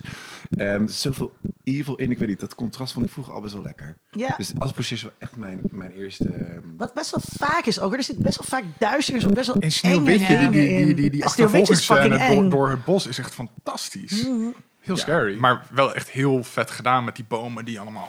En dat is voor kinderen dan gezichten. gemaakt. Dan denk je van, dit, Ja. dit, dit- ja, dit, hey, onderwerp je kind er maar eens aan. Zet je kind voor de videoband en dan zien ze allemaal dit. Nou, ik vond het heel leuk dat ik dat mocht. Ja. En jij, Marilotte? Nou, ik moest dus nadenken. Ik kan dit verhaal bijna niet overtreffen, maar eh, ik moest nadenken. Ik weet het dus denk ik niet meer. Net zoals ik best wel veel dingen eh, waarvan je denkt, nou, dat kan je vast nog wel herinneren. Zoals je eerste keer ongesteld. Ik weet het gewoon allemaal niet meer. Ehm, ik weet wel dat eh, wij, ik en mijn zusje, wij mochten nooit de, de echte Disney-film, die hadden we niet thuis. We hadden altijd een soort van alleen de rare spin-offs van de Oh. Ariel Zeemin, die dan, weet ik veel, in Lion King 30... 2 en ja, zo. nou ja, nee, dat niet eens. Gewoon de Ariel die dan in 30 minuten een of ander raar eh, avontuur nog beleeft met Botje. Oh. Ehm, maar de krokante versie van Ariel of zo. ja, gewoon, gewoon, gewoon, ik denk gewoon de goedkope, goedkope video's eh, die, die we dan een keertje, weet ik veel, eh 2 euro waren in de Free Record Shop of zo. En ehm, Dus ik weet wel dat we, als we bijvoorbeeld op vakantie gingen... eh, we zijn een keer in Middelburg geweest voor een huizenruil. Nou, dat was een soort eh, godsgeschenk voor mij. Want daar waren heel veel videobanden. Daar voor het eerst Assepoester gezien. En ik weet dat nog heel goed. Toen wilde ik eigenlijk niet meer mee naar het strand. Want ik wil gewoon alleen maar Assepoester zien. Ik ging ook heel Wow. erg aan op die stiefzus. Ik vond het allemaal geweldig. Ik heb een keer Aladdin eh, gevonden op een vakantie in Italië. En toen regende het alleen maar. Toen hebben we alleen maar Aladdin gekeken. Dus het was gewoon meer de Disney-prinsessen, zeg maar, aan zich... waren voor mij een soort van ongrijpbaar ding eerst. omdat ik ze thuis niet kon zien. Of ik zag ze in de bioscoop, dat kon wel. Eh, en eh, en, en als, ik, als ik ze dan mocht zien, was het echt zo... Oh, helemaal me verliezen in... eh, nou ja, gewoon een andere wereld. En was het dan ook zo dat er dat dan ehm, bij jou in de klas of zo mensen wel dan die films keken? Of, ehm, Ja, iedereen keek altijd die Ja. films. En ik had het gevo- ik ben ze dus later uit mezelf heb ik toen besloten, ik ga ze sparen. Volgens mij was ik elf of zo. En Ja. toen ging ik eerst de videobanden eh, sparen. Nou, toen had ik er een stuk of vijf. Toen kwam de DVD opeens. Dus dacht ik, Eh, hele verzameling alles weer wegdoen. En toen al had je ik bedacht, spaargeld ja. aan besteed. Ja. En toen dacht ik, oké, nou dan ga ik de, de DVD sparen. En ik wilde dan de classics per se. Dus dat ging ik dan doen. Maar dan, ik dacht dat de classics gewoon de prinsessen waren. Maar de classics zijn niet alleen de prinsessen. De classics zijn ook bijvoorbeeld Knorretje. Nou, dat, toen ik daarachter kwam, ben ik daarmee gestopt. Maar ik denk dat ik er een stuk of... Oh, hè? Wat? Hè? Bijvoorbeeld het verhaal van Knorretje is ook een Nog is toch classic. van Winnie the Pooh? Ja, die heeft een eigen film en die hoorde bij de classics. Ik was zelf ook helemaal... Toen ben ik ermee... Toen, Ja, nou, nee, Knorretje ik. was voor mij de Ik vind druppel. Knorretje ook nog een Disney-prinses Ja, eigenlijk. nou, Ja. eh, maar goed, je hebt ook bijvoorbeeld Fantasia en zo. En die films, eh, die had ik dus wel gekocht, nooit gekeken. Want ik wilde eigenlijk alleen maar die prinsessenfilms zien. En Keizer Cusco. Ehm, en Hercules. En eh, ja, nee, dus eh, ik denk dat ik er een stuk of eh, 26 of zo op een gegeven moment heb verzameld. En Oh, toen ben ik ermee gestopt. Ja, ik heb, er, ik heb nu mijn lievelings gehouden en de rest weggegeven. Ja, dus je werd ook geconfronteerd met de evil kapitalistische praktijken van Precies, Disney. Ja. Ja. Ik heb er erg veel cent aan uitgegeven. Ja, ja, ja. En Jij Tom? Eh, ik moest hier wel even hard over nadenken. Eh, maar de eerste herinnering die ik ervan heb, is dat ik dan ehm, bij de buren dan een keertje eh eh Belle en het Beest heb gezien. En dat dat dus ook zo was van, ik keek thuis volgens mij niet heel veel Disney-films. We hadden ook geen videobanden thuis, want we hadden niet zo'n apparaat. Die huurden we dan soms bij de videotheek. Met een huurde het apparaat. Ja, we huurden het apparaat, dat Wij kon. ook, ja. Ja. Ja, want dus, dus- dus ik had gewoon geen Disney-films thuis. En die keek ik niet op, op repeat de hele tijd. Maar ik weet nog heel goed dat ik dus Bella en het Beest een keertje heb gezien. En dat het ook echt wel indruk heeft gemaakt. Omdat er ook best wel...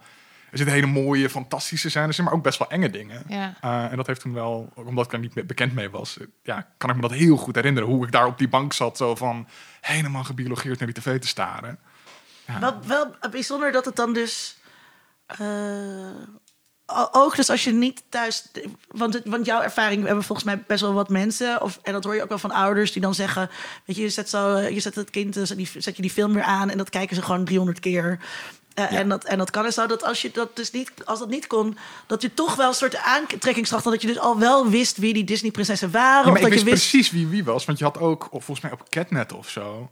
Had je... Ja, die eh, series. eh, die, de Ja, series. Dus, ja. dus waarschijnlijk waar die, die half uur durende Precies. specials die jij gezien hebt... Komen waarschijnlijk daaruit. Ja. Ja, en die had ook een soort van, de, niet een Disney Channel of zo, maar, maar, maar ook wel inderdaad op Catnet. Zo, zo een Disney-uurtje of zo. ja, Disney uurtje. En dan was dat een beetje, ook een beetje de, En dan de Donald Mick- Duck versie. Ja, dan was Ja. Mickey Mouse was dan saai of Donald Duck. En dan kwam er ook altijd En nog dan een je ook Rescue. Rangers en Ja. zo. Ja. allemaal dat soort dingen. DuckTales. Ja.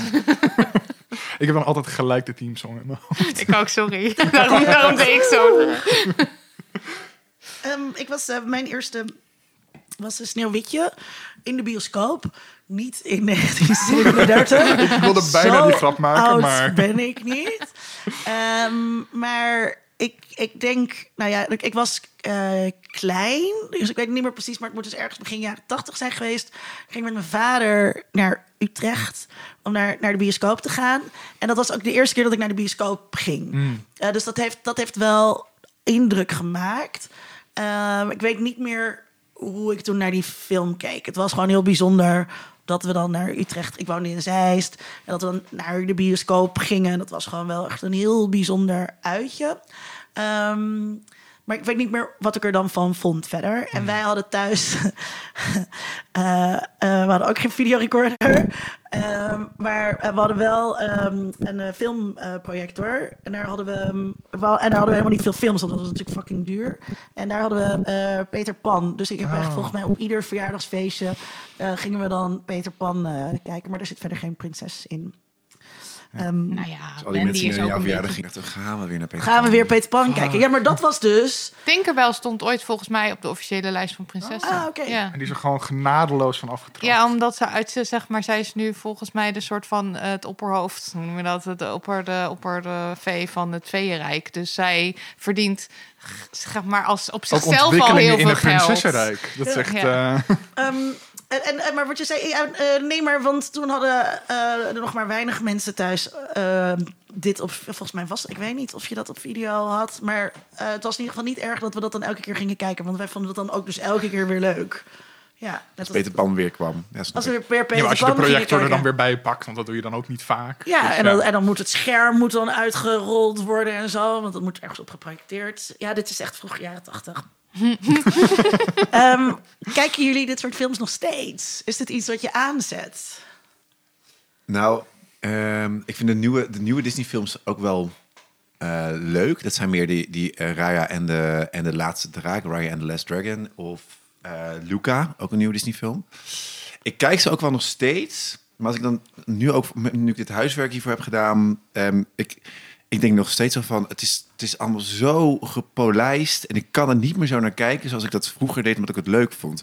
Met die verwondering. Ja, nu denk je, nu denk je allemaal wat het, het is zulke, ja, zulke eigenlijk toxisch materiaal voor Kijk zowel met de zure blik van Ja. een mediawetenschapper. Ja, voor, voor zowel volwassenen als voor kinderen. Dan denk je, die sprookjes van Grimm, waar heel veel op gebaseerd is, van Andersen, die waren zo rauw en zo echt. En het gingen echt mensen dood. En het was niet allemaal roze geur en maneschijn. En als je er nu naar kijkt, dan denk je, maar zo idealistisch en mooi en, en, ehm, en vol met diamanten is de wereld helemaal niet. En het komt nooit allemaal goed. Dus Wist je die- dat de dwergen uit Sneeuwwitje dat dat eh, oorspronkelijk kannibalen waren? Oh, dat geloof ik meteen. En dan had ik de film veel leuker gevonden. Ja.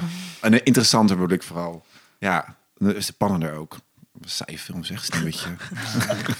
Ja. Nee, Ja. nee maar, en, en dus, maar, de, maar de nieuwe films, bijvoorbeeld een, Luca of eh eh, Raya en The Last Dragon, die, ehm, die, die, daar gaan ook heel veel dingen best wel in, in fout. Dan gaat het ook minder over het vinden van een true love of zo. Het gaat meer over zelfontdekking. Vind ik eigenlijk wel wat mooier. Het is nog steeds eh, best wel braaf allemaal. Maar goed, kinderen die moeten ook ehm, wat bravere content hebben of zo. Ehm, maar maar het, het gaat wel wat minder over. Oh, ik moet een prins vinden en, eh, ik, en heel mijn familie is dood. Of, of zo. Dus het, is, het is wel wat. ehm, ik, weet niet, ik heb daar wel van genoten van die, van een beetje die nieuwere Disney-films. Maar de hele oude Disney-films, die heb ik al lang niet gekeken. Maar ehm, als je bijvoorbeeld, nou, dat was niet het huiswerk, maar bijvoorbeeld een Lion King. Daar kan ik nog steeds van naar kijken. Ja. Dat is nog steeds. een- En de soundtrack en het verhaal gewoon best wel gewoon. Ik weet niet waarom, maar ik vond het gewoon een meer realistisch verhaal. Niet dat praten de dieren nou zo realistisch is, maar er wordt een realistisch verhaal getoond. Dus dat vond ik, dat, daar ga ik wel meer van op aan. Ja, Nu in de- deze tijd. ja, Zo'n wat spannendere film. Ja. Zo echt actie en zo. ja. ja. Ik ga niks zeggen hier. Eh, en- jij, kijk, Wil je iets over fascisme en Nou zeggen? ja, kijk, het, nee, kijk, ook, dat is natuurlijk dat is, dus- dat is Dan Hester First, die dus zei, mediawetenschappers hebben als taak alles te verpesten voor iedereen. Die heeft een stuk geschreven voor de Washington Post, The Lion King is fascistisch. Wat helemaal geen baanbrekend argument is binnen Nee. mediastudies. Dit is best wel iets wat eh, toen die film uitkwam, wat is dat in de jaren negentig? Ja, 93 gewoon best wel, ja, best wel rondging. En hij heeft dit stuk geschreven toen die, real, eh, die live-action versie uitkwam. En, eh, en dat stond in de krant. Dus toen gingen mensen daar allemaal vallen. Terwijl, kijk, ik heb nog nooit iemand gesproken. Kijk, ik zit heel erg op ehm, wat voor betekenisgeving heb je. En betekenisgeving is vrij. En daarom is het interessant om te zien dat ja, als kind. Kijk, je keek je naar Cinderella en zeg oh, die magische wereld. En, en nu ben je volwassen en denk ik, ja, hallo. Het is wel heel heteronormatief. En het is wel. Ja. en je, je kijkt met andere bagage naar die film. Eh, en dat doet ertoe. Dus zeg maar, er zit van alles in zo'n film. Het maakt uit wie jij bent, wat je eruit haalt. Ehm, en ik ben dus meer sociaal wetenschapper eigenlijk. Dus ik kijk naar wat doen mensen met films. En Dan Hester Forrest is heel erg een mediawetenschapper die op een tekst zit. Dus van, nou, deze betekenis zit in de tekst. Terwijl, ja, dat is jouw betekenisgeving, Dan Ja. Hester Forrest. Ja. Ik ken niemand die naar de Lion King kijkt en die denkt... wow, zo, dat is een aanprijzing van het fascisme. Maar tegelijkertijd kan je ook naar zo'n argument van Dan luisteren. En dan zit hem, nou ja, En dan kan je zeggen, ja, hem zit, zit, zit wel wat in. Maar het is ook... ehm, het is ook een beetje provoceren. Net als wat ik met dat sex education stuk natuurlijk ook wel een beetje deed. Eh, ehm, en eh, het ding hierbij vind ik ook... Juist om, je, kunt dus, je kunt er dus van alles in lezen. Dat vind ik Sneeuwwitje dus een heel goed voorbeeld. Ja, je kan zeggen dat het een heel naïef meisje is... dat zich heel makkelijk tot, eh, tot huisslaaf laat maken door die dwergen. Eh, daar maakt die kannibalen verhalen en ook meer sens. Zeg maar, als het kannibalen zijn die zeggen... eh, we gaan je niet angst. opeten als jij ons huis schoonmaakt. Dat, maakt, dat is logischer. Ja, dan wanneer ze uit zichzelf opeens... hé, ik ga alles hier poetsen. Ja, Gewoon Je kan ook lezen als een hele slimme, pragmatische dame... Maar die dat- gewoon ziet waar, waar ze nodig is... en hoe ze een, een centje eruit kan slaan. Eh, eh, ja, dat, Sorry, die- nee. dat- die- nou ja, maar je kan ook zeggen, ze probeert, ze probeert er wat van te maken... terwijl ze alleen in het bos eh, is, eh, waar het eerst heel eng was... en ze maakt nieuwe vrienden. En, eh, Vrienden. ja, dus, en, het, en het is dus maar net ook wat jij er als kind mee doet... of waar je je door laat betoveren... dan dat, dan dat je nou per se een mediawetenschapper moet hebben... die zegt, eh, dit, is de, dit is de tekst. Ja. Waarom had ze nu, weet je eigenlijk, eh, waarom was er zo'n hoog plafond in dat huis van die dwerg? Vraag ik me nu opeens af. Anders kan Sneeuwwitje daar toch Nee, maar zij was, zij was daar niet binnen nooit. En nu opeens komt ze wel er binnen en het was opeens een hoog plafond. Maar goed, denk me nou opeens. Ze wisten nooit dat zij kwam. Maar dat is wel interessant, ja. Ja. Misschien was het dan een bestaand huis voor mens. En kan. zijn ze daar later in? Ja. Het zijn wel hele rijke dwergen. En als je rijk bent, Ja, ze heb je een heel veel geld Ja, en diamanten. Ja, ja. Ja. maar geen geld voor een, eh, voor een betaalde huishoudelijke hulp. Jeez. Ik vind het bij Sneeuwwitje vooral zo apart dat het Sneeuwwitje heet. Want we hebben hem gisteren zitten kijken en we dachten, we ga- het gaat helemaal niet om Sneeuwwitje. Nee. Het, is, hij- het is helemaal niet haar film. Nou, dat is dus letterlijk wat ik bij bijna al die films heb opgeschreven. Ja. Echt serieus, gewoon echt zo. Het is niet eh, haar film. eh, The Little, The Little Mermaid. Eh, deze film gaat niet over Ariel. Eh, Poca- Pocahontas. Deze film gaat niet over Even Pocahontas. kijken. eh, badadadada. deze film gaat meer over witte mannen dan over Pocahontas. Ja. ja. is wel Mulan. De, gaat deze film over Mulan? Eh, en dan iets over de vrienden met dieren trope. en, ehm, maar dat, dat vond ik dus heel. Maar eh, bij Sneeuwwitje typisch. was het wel echt heel typisch. Ook omdat zij, dan heb je het verhaal van Sneeuwwitje, wat gewoon heel erg is van: oké, zij, eh, eh, eh, evil stiefmoeder, eh, bos, dwergen, eh, vreselijk, appel, dood, prins. Maar eh, uiteindelijk heeft, hebben volgens mij die dwergen gewoon dat hele slapstick gebeuren waarbij zij zich niet willen wassen. Ja. Eh, duurt volgens mij een half uur. Maar dan switch je echt tot volledig naar hun perspectief. Dan gewoon alles is vanuit hen ineens. Terwijl, ja. En, en het zijn gewoon hele kinderachtige mannen. En het is echt, dat is dan heel, maar dan zo'n zo'n moment waarop de heks opeens voor het raam staat en haar een appel geeft en haar overhaalt die appel te eten. Dat duurt ongeveer, dat is een derde van die scène van die Van het dwergen die zich niet wilden wassen. Ja. Maar dus, dus, in, ehm, eh, dus ook in eh, The Little Mermaid, die had ik blijkbaar nog nooit gezien. En eh, daar gaat het toch ook heel lang over andere dingen, en over andere diertjes. En eh, uiteindelijk dus ook best wel weinig over Ariel. En ik vond het in Pocahontas, dat gaat gewoon over witte kolonialisten. Ja. En Pocahontas heeft nauwelijks screentime. en, en dus die, hoe heet die? die Je ziet een beetje bang achter een struik. Ja. En, en dan, en dan uit, soms krijgt ze screentime, maar dan is het wel omdat je dan moet zien dat ze verliefd is op John Smith. Ja, en die Ja. John Smith is echt... Oh, zo'n middelmatige man.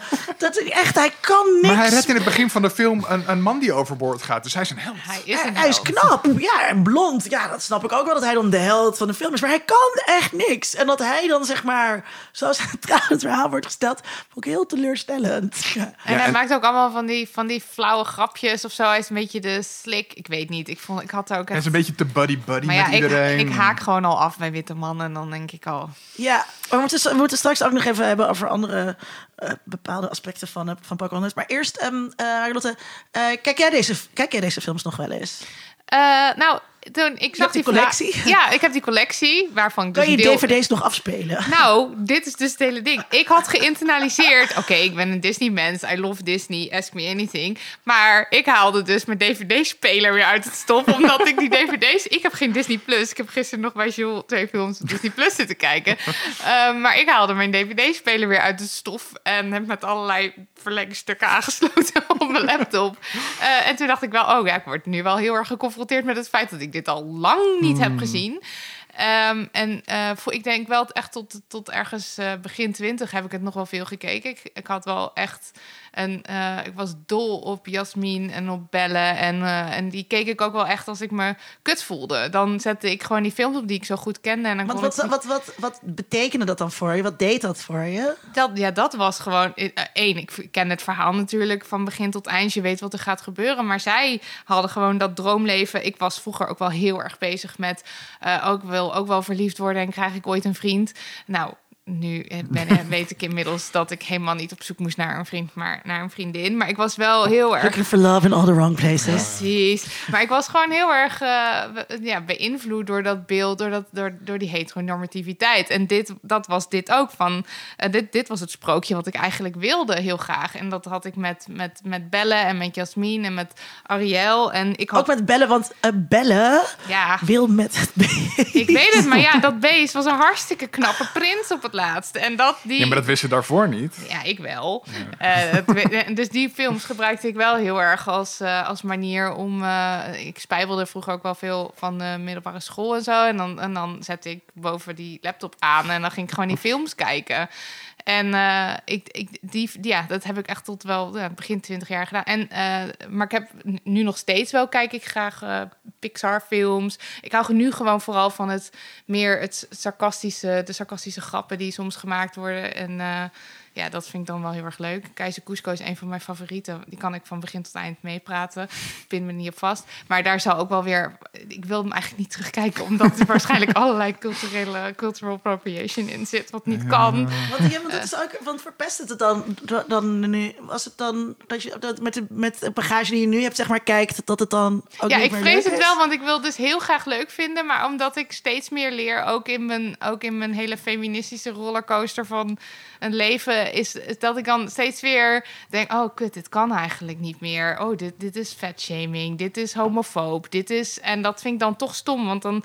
eh, ik, ja, ik hou liever, denk ik, die, die, dat beeld van gewoon een wereld waarin alles goed was en grappig is. En waarin sarcastische, leuke mensen zitten. Die, en, en de- iedereen houdt uiteindelijk wel van elkaar en de bad guy is verslagen. Ja. Dat heb ik, hou ik liever, liever in stand. Maar ik kan gewoon echt, nee, ik vind het heel lastig wel om dat beeld te behouden. Ja, Ja. wat er ook, wat ik ook, wat is wel echt ook heel eh, jammer is. Dus dat je, dus sommige dingen moet je dus ook gewoon niet terugkijken. Dat moet Nee, maar de, de liedjes Moet kan je gelukkig wel gewoon terugluisteren. Want wij zijn ook nog wel, Jules en ik zijn wel fan van eh, al die liedjes van Ariel en zo. En dat kunnen we dan ook gewoon random zingen. Ja, en, en- dan heb je het verhaal er niet zo bij. Dat is Nee. gewoon het liedje en daar zitten ook al die herinneringen aan vast. Dus Ja, en sommige scènes uit Keizer Cusco die we gewoon heel, heel vaak naar boven halen. en dan gewoon kunnen zeggen tegen elkaar. Dan Ja. heb je de rest van de film niet nodig.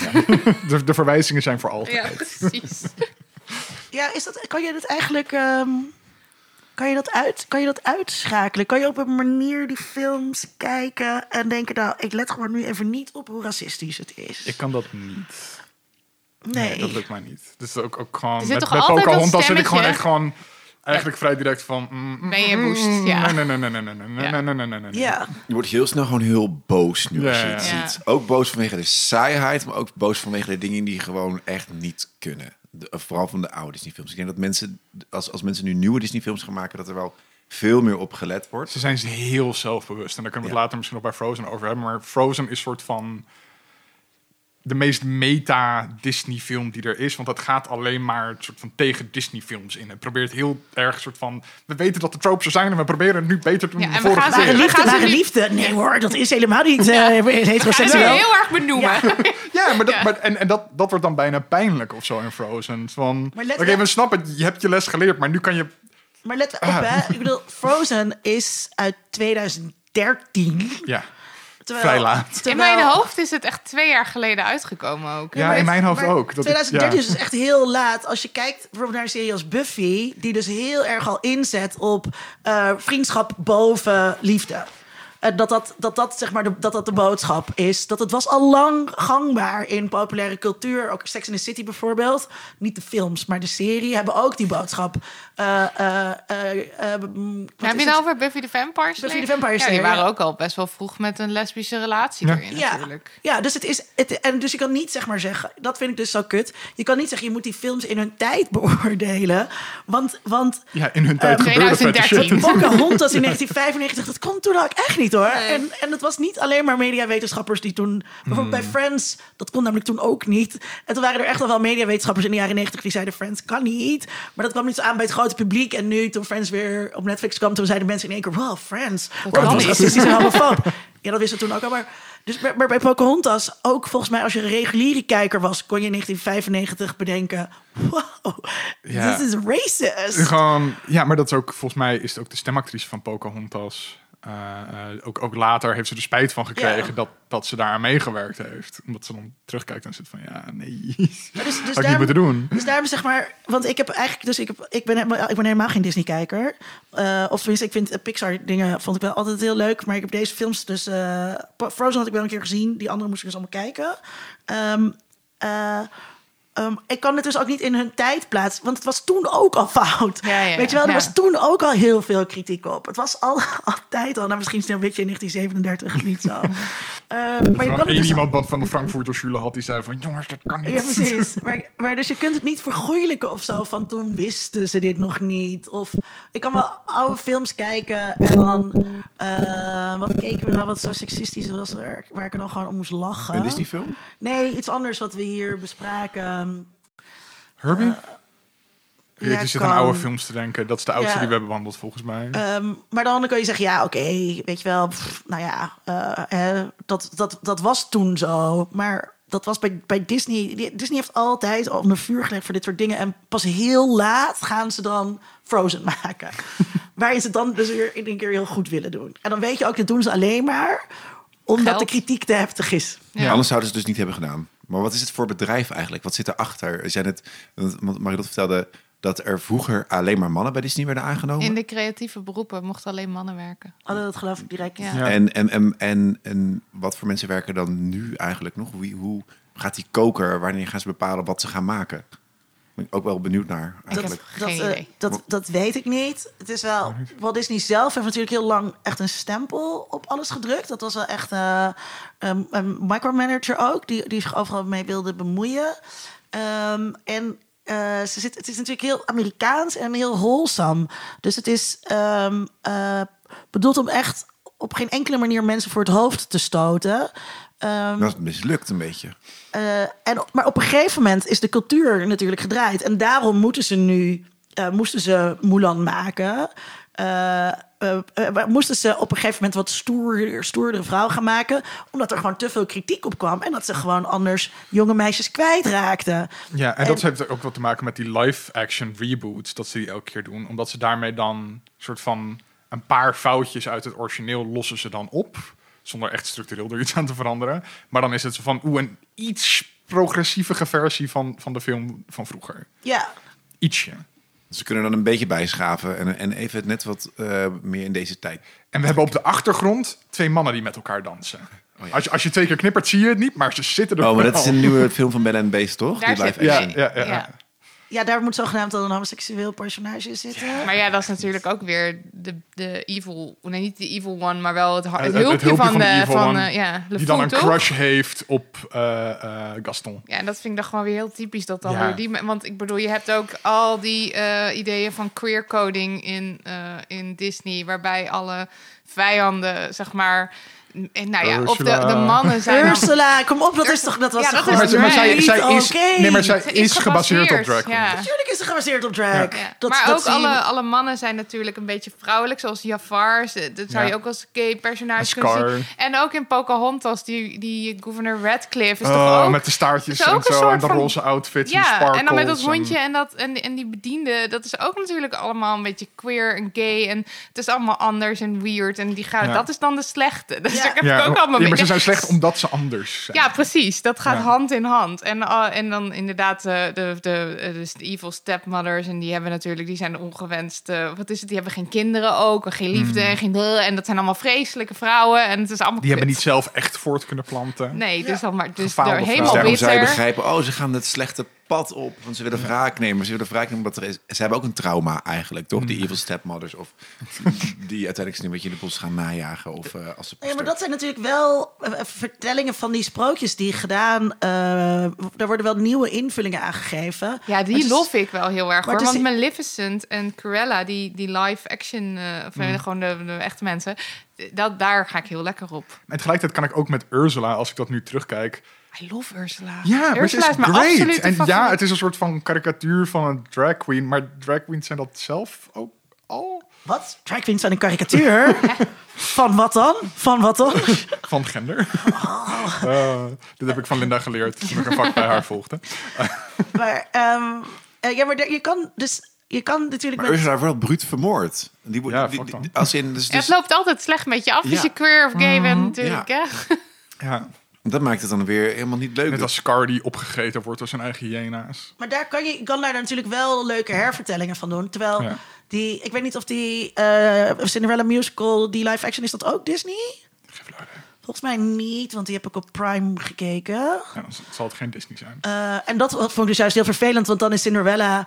Hebben jullie die Is dat gekeken? die met Emma Watson? Nee, die Le- met Lea Seydoux, die dan, of ik weet niet, die, die speelt dan Cinderella toch? Ja, en die, en die is dan, eh, die, die droomt dan van Oh, de- een carrière als, eh, als, modemaker, als kledingmaker.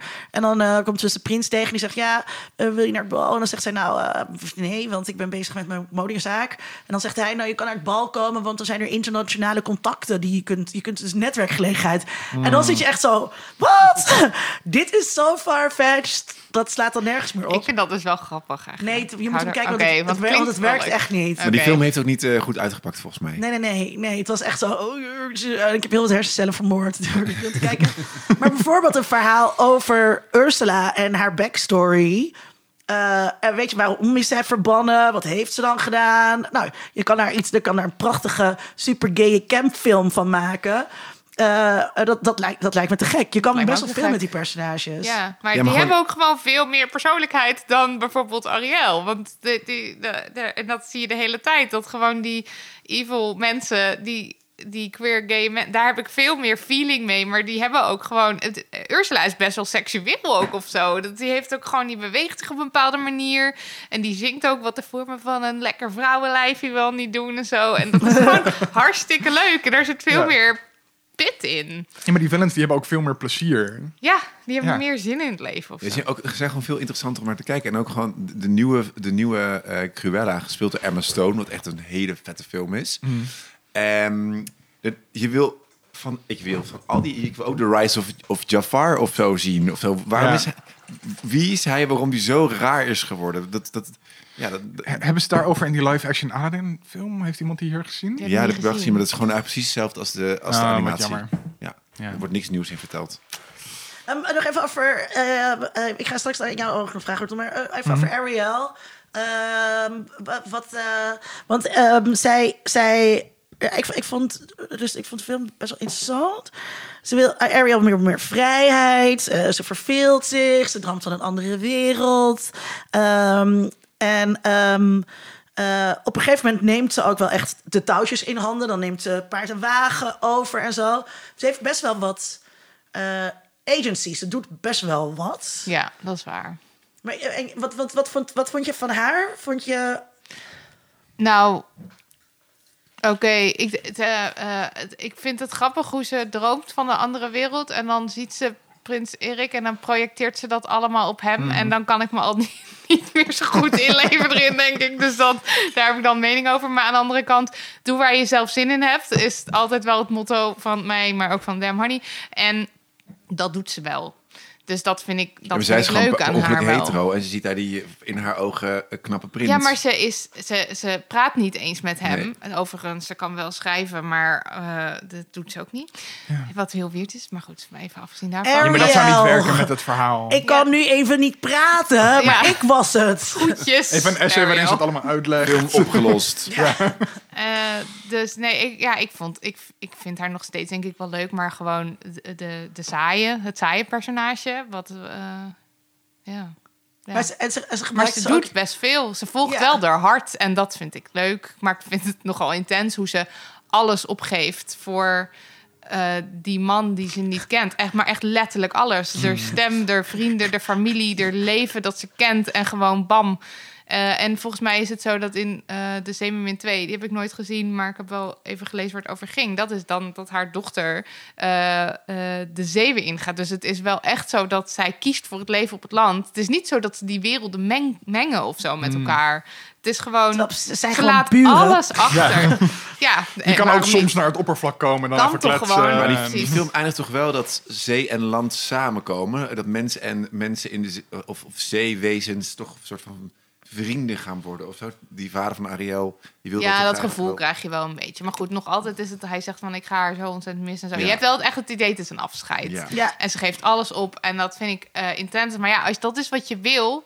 Zij doet het wel en ze gaat wel in tegen de wil van iedereen Ja, ik heb opgeschreven patriarchale zegening aan het einde. Ja. Ehm, maar, Dat is bij Mulan ook. Ja, Ja, absoluut. Ja. dat moet altijd om het soort van het verhaal Ja. rond te maken. Moet inderdaad. En het trouwens bij Pocahontas ook. Want als ze haar vader nooit meer zou zien... dat was natuurlijk niet oké geweest. nee. Nee. Je kan niet breken met je familie. Dat nee, gebeurt niet in precies. Dat gebeurt nooit. Ehm, eh, eh, Ariel eh, gebruikt, die kan, dus, die kan dus letterlijk niet praten, dus ze heeft no voice. Eh, en dan, ehm, Dat mensen tijdens het maken van die film... daar dan de ironie niet van inzien... vind ik gewoon ja, ja, bizar. ja, kennis op Altern Speak. Eh, wat, wat de titel is van een tekst van ehm Spivak over poststructurisme. Anyway, ehm, en, en dan moet ze dus alles op haar uiterlijk doen. Ja, precies. En, eh, en, en er wordt haar, want eh, Ursula die waarschuwt haar nog ook over dat eh, mannen op het land haar eh, niet willen, dat er een, vrouw met een stem, die willen ze niet. En ja, dat, dat oh ja, dan, dat was ook heel mooi. Ja, ja, en dat ze dan, dan nog steeds dat eh, contract ondertekent, vind ik dan wel, eh, ja, vermakelijk. Ja, ze zegt echt iets van eh, eh, mannen willen geen vrouw die, eh, die, die praatjes Ja, heeft. ze willen gewoon iemand die stil is en mooi is, volgens mij zoiets. Heeft Ursula wel gelijk in. Ik bedoel, Eric had er nul problemen mee. Laten we wel wezen. Maar uiteindelijk ging die wel voor die stem van die, eh, hoe heet zij ook alweer? Ja, maar had hij dus ook... Van Vanessa. Ja, Vanessa. Oh ja, ik ook meteen een hele evil naam door die film. Maar dat had hij dus ook helemaal niet door dat daar iets ga- gaande was. Hij, en hij ging ook wel heel Loopt snel met haar trouwen. ja. Sowieso willen mensen heel snel trouwen. Maar ik vraag me altijd wel even, eh, als zeg maar Disney dan dit soort dingen bedenkt van ehm, ehm, iemand zonder stem, dat is goed. Is het dan een soort van ergens bij die makers iets van meta-boodschap bedacht? Van dit is juist hoe het niet moet. Of, of eh, denk, bedenken wij dit nu? Wat is de intentie Ariel- van de auteur? Ja, Of zullen we de rollen gewoon helemaal... Zullen we gender swappen? Dat was leuk geweest als ze dat hadden gedaan. Als het ging over Eric, de zeemeerman, die op zoek ging. Dat zou ik alweer leuker vinden. ja. En ik zou het ook heel erg leuk vinden. Ik zit er echt op te wachten dat er gewoon een keer ehm, ook een gay hoofdpersonage, een gay prins in zit.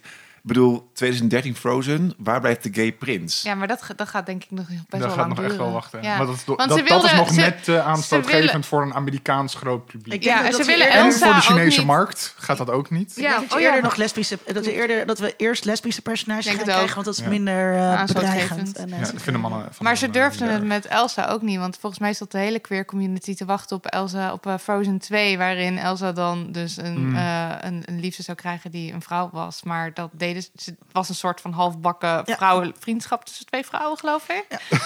ik weet het niet Je hebt meer. zo'n subreddit, heet Sappho en Her Friend. En Dat gaat alleen maar over de historici die terugkijken naar de geschiedenis, naar vrouwelijke relaties en zeggen, ja, deze twee vrouwen waren vrienden. Ja, dat- precies. Of Als je het leest, dat je dan of en zussen, dat je dan echt zegt van, Sappho en haar friends.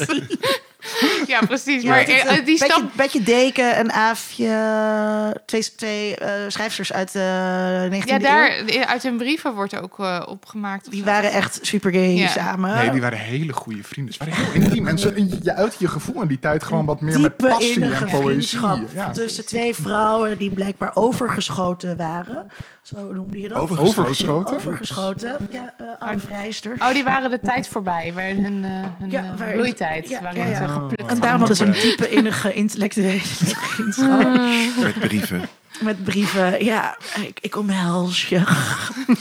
Dat, eh, maar eh, ook in de Star Wars, wat nu natuurlijk de franchise is ook overgenomen door Disney, Hmm. eh, ehm, heb je ook twee mannelijke karakters die ook een diepe innige vriendschap hebben. En het, Finn en- his friend. En het, ja, en, en, en het hele, alle, alle mensen die niet zeg maar rechtse mannelijke incels zijn in het fandom, die zaten dus allemaal, oké, zij zijn gay, laat ze zoenen, weet je wel, gewoon laat ze, ze zijn gay, ze zijn super, Ja. weet je, ze zijn gewoon overduidelijk verliefd op elkaar. En dan dus in die laatste film eh, eh, als dan aan het einde alles samenkomt en, en, en alles universum is gered, dan hebben zij, geven ze elkaar een dikke knuffel. En dan op de achtergrond zie je dan twee bijpersonages die, waarvan eentje één woord heeft gezet en die ander niks. Twee Ja. vrouwen, die geven elkaar dan een kus op de mond. Ja. Je moet heel goed opletten. Ja. En daar is het dan. ja, en ook nog, ze krijgen allebei in die laatste film een vrouwelijke eh, love interest. Die volgens mij ook nog een soort van... De love interest van Poe is Latina, volgens mij. Ja. Volgens mij. En, en van Finn is ook zwart. Ja. Dus dat is ook nog weer van... Blijf bij je eigen soort. Het is niet best wat Ja. ze daar gedaan hebben. Ja. Is het Star Wars? Ja, dat is Star- Wars, ja. Disney Star Wars is dat, Ja. eh, is dat dus. Eh, Tom, eh, jij moet nog zeggen wat jouw eh, betekenis. Of moeten we eerst vragen? Ja, nee, wacht, ga ik dat eerst vragen. Ehm, eh, eh, want er wordt, er wordt dus wel eens gezegd van er is voor iedereen een Disney-prinses. En je hebt ook zo'n plaatje dat je dan nu al die Disney-prinsessen ziet. En ze zijn allemaal van verschillende kleuren eh, tegenwoordig. Ehm, klopt dat? Is, dat? is er voor iedereen nu een, Di- een Disney-prinses? Ik heb er nog geen een gezien die een rolstoel gebruikt bijvoorbeeld. Of Ja. een beperking heeft. Ik denk dat dat ook vooral een groep is die zichzelf nooit gerepresenteerd ziet. En dat is nog steeds niet Ja. aan de hand. Of die dik is bijvoorbeeld? Ik, ja, dat al. En volgens mij is... ehm hoe heet zij nou? Fiona Mo- uit Shrek? Of nee. nee, die is ook... Oh ja, die is... Ja. Eh, nee, ehm. Nee. Mo- Moana? Moana? De, Hoe heet die film nou? Of heet Ja, die van Moana. Moana? Maar in het Nederlands heet die Fayana of zo. Ik weet niet waarom ze die naam veranderd Oh, hebben. daarom ben ik misschien de war. Maar zij is in ieder geval qua lichaamstype wat realistischer dan, laten we zeggen, Meg. Hè, laten we haar er weer eens even in gooien. Eh, maar daar is echt nog een hele slag in te slaan. Want dat eh, constante, constante, de, de slanke, de- ja, dat, dat al- ja, ja. Maar ehm eh, Anna, eh, met haar ehm, in Frozen, eh, met haar eh, powers. eh, Elsa. daar- sorry, Elsa, ja. Eh, ehm, eh, staat dat dan niet symbool voor... Kan je dat niet zien als een soort allegorie? Dat, dat is ook wel gezegd van... eh, eh, ik heb wel ergens een stuk gelezen dat ze anorexia zou hebben. Dat het eigenlijk allegorie voor anorexia zou zijn. ja, maar ook dat voor mental health problems Ja, volgens mij. precies. je En ook kan er voor, allerlei allegorieën en ook voor. Ja. gay zijn. En Ja, dat je ouders dan zeggen, dat moet je verbergen. Ja, je moet- ja, Ja. precies. Eh, ehm, wat natuurlijk eh, door het zo open te laten of zo, dat is ook wel weer een soort die. Dat is ook een soort van je makkelijker afmaken voor Disney. En zij is ook wel gewoon heel wit en slank Ja. natuurlijk. Ja. Maar bedoel, hier heb je iemand, en dan zou je ook iets anders in kunnen lezen. Succes, bye. Ja. Ja. Ja, maar gewoon, ze houdt het gewoon zo breed mogelijk. En eh, oké, alle opties zijn daar. eh, geef maar je eigen invulling. Ja, maar dat hebben we ook over, met Luca over gehad. Dat ze daar het gewoon net open genoeg laten om soort van... Je zou daar een queer ding in Ja, kunnen het lezen. einde met die twee jongens bij die Ja. trein.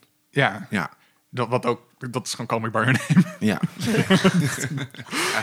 Maar ehm, ja, zou, het, zou het kunnen, inderdaad, eh, een, een, prinses in een rolstoel? Ja, zeker. Dat, dat, dat, denk ik- dat echt geen probleem, denk ik hoor. Het zou meer kunnen dan de prinsessen die er nu zijn. Ja, dat zou, het zou realistischer Ja. zijn om ondertussen... Ja, maar er wel- zou, zou het in de wereld van. Disney nu, ja, nu ik weet kunnen? zeker. Ja, ik weet zeker. Nou ja, ik weet dus niet of ze het gaan doen, maar ik weet Is zeker de- dat ze het kunnen en dat ze haar voor? helemaal neerzetten. Je kan van, een eh, magische sessie. rolstoel maken. Je kan een rolstoel met raketten eronder maken. Of gewoon een normale rolstoel. Of een zijn- normale ja. rolstoel. Normale Ja, ook, rolstoel, mag ook. Maar, en uh, maak haar witty en een beetje sarcastisch en, en vrolijk en, en tegendraads. En je hebt toch gewoon een Disney-prinses. Want dat is een beetje... En volgens mij is de, eh, dat wordt in Moana volgens mij gezegd, is, de, is de criterie, het criterium voor een Disney-prinses zijn is een jurk dragen en een animal sidekick hebben en dan ben je het. Dus dat, eh, dan past een rolstoel daar ook bij, of Ja. weet ik veel, een prothese of whatever, gewoon iets van een beperking. Zou heel fijn zijn, denk ik, voor mensen om te zien. Ja, maar zou het ook... ehm, eh, kijk, want Disney ehm, maakt wat, wat, wat we wel de least objectionable content noemen. Eh, eh, waar eh, zij zoeken naar waar zo min mogelijk mensen bezwaar tegen hebben. En wat je nu ziet is dat dat, dat, het dus naar de andere kant doorslaat. Hè, dus dat, dat, er kan ook niet bijvoorbeeld hierna nog weer een witte mannelijke bond komen... want dan wordt kritiek te groot. Oh, wacht maar hoor. Ik, ik zie het ze zo doen. Eh, maar dus, dus, dus ze willen dat zo min mogelijk mensen aanstoot nemen. En op een gegeven moment. Wij leven nu in een wereld eh, waarin activisme weer hoogtij eh, viert. Waarin dit soort eh, onderwerpen onwijs op de agenda staan. Dus ze, ze moeten wel, net als dat ze op een gegeven moment moesten ophouden met alleen maar witte prinsessen. Ook omdat ze een internationale markt wilden aanspreken. En ook gewoon dus omdat ze willen dat mensen, dat meisjes in China ook prinsessenjurken gaan kopen. Ehm, ze zullen dus altijd kijken naar wat is least objectionable. Ehm, Maar ik heb niet het gevoel dat er echt intrinsieke mo- motivatie is om de juiste representatie te weer te Nee, geven. nee, dit is Nee, nee, juiste nee. representatie, waarbij juiste dan staat voor, voor wat sociaal rechtvaardig zijn, wat inclusief zou zijn. Nee, de juiste is, wat is op dit moment in de tijdsgeest minst aanstootgevend voor, Ja. zo, voor, voor, Groot voor, mogelijke voor, groep. voor Ja. een mondiale markt. Ja. Want daar draait het om. Het draait alleen maar om prinsessenjurken verkopen. Ja, en daarom krijg je dus een soort lauwwarm, liberaal... Ja, dan krijg je Idee Frozen. van- ja, dan Frozen je dus wel een hele leuk film vind. Ja, Dat vond ik de leukste van het huiswerk. Ja. Frozen, ja, Ja. ik ook. Daar kan ik wel van genieten. Ik vind Elsa ook wel echt een, een leuk nieuw soort karakter. Omdat, volgens mij was zij eerst ook... Zij moest de villain eerst zijn. oh. En zij, moest, sorry? zij was eerst de slechterik, want het is gebaseerd op de IJskoningin. En, eh, maar eh, omdat zij dat nummer Let It Go heeft, kon, kon dat natuurlijk helemaal niet. Want je kan niet zo'n nummer zingen Nee. en dan de slechterik zijn. Dus Nee. toen hebben ze haar, hebben ze die zussen, zussen-narratieven volgens mij ingedaan. Maar als ze zeg maar Frozen doorzetten, de, nou ja, we zijn- we zijn nu bijna tien jaar verder. Of, Ja. eh, ehm, dan zou je wel verwachten dat er wel meer eh, Disney-prinsessen zijn waar mensen zich beter aan kunnen ehm, spiegelen. Hoop. Ja, sinds Frozen hebben we Moana gekregen en niks. Eh, jawel, volgens mij nog eh, die Princess and the Frog? Ja, Nee, die is van daarvoor. Oh, die is daarvoor? Ja, en- maar dat is nog een tekenfilm. en Raya. Oh, wow. Oh ja, Raya, inderdaad. Ja, die heb ik niet gezien. Maar ik weet niet of Luca nou ook een prins is. Nee, dat nee is dat, gewoon dat is een Disney. Pixar-film. Dat is niet van Disney Pixar, wel op Disney Plus. Ja, maar, maar Disney Pixar. Het Oh is, ja, dat ja. is van elkaar. Maar dat is En, dan en toch in, weer net. de, in de live-action Brave version, hebben we ook. Oh nee, dat is daarvoor. Oh ja. Sorry. En de live-action version van de Kleine Zeemermin, die binnenkort uitkomt. Ja? Er is volgens mij 2023. iemand van kleur die de hoofdrol gaat spelen. Oh ja. Ja, ze hadden- het is- dat wordt een zwart, zwarte actrice, toch? Ja, dat dacht ik, maar pin me er niet op vast. Maar dus Ja. die diversiteit in kleur eh, komt dus ook echt gewoon voor, door internationale markten willen aanspreken. Mm. En eh, eh, China is gewoon een enorm afzetgebied. en, eh, eh, en dus daar, daar, dus heel veel van die keuzes worden dus niet gemaakt uit een soort woke Nee. overwo- overwegingen. Of omdat, omdat er mensen werken die inclusiviteit belangrijk vinden. Of die eh, eh, inspirerende representatie belangrijk vinden. Nee, het zijn gewoon ehm, bazen die kijken naar wat, eh, eh, wat, wat, wat, wat spreekt nu aan, waar kunnen we mee wegkomen. En nog steeds zit heel erg die erfenis erin van familiebedrijf, niet aanstootgevend. Dus ook met die parken, hè, dus die Disney theme parks. eh, daar mag ook helemaal niks gebeuren dat naar seks ruikt. Eh, daar mag, eh, dat moet allemaal super clean en netjes. En uh, of tot op het beangstigende af. Ja, het is dus eigenlijk gewoon een kutbedrijf. Net zoals heel veel dingen, Ja. heel veel bedrijven kutbedrijven zijn. Het is, En- het is, maar het is denk ik belangrijk dat je realiseert, het is een bedrijf. Ja.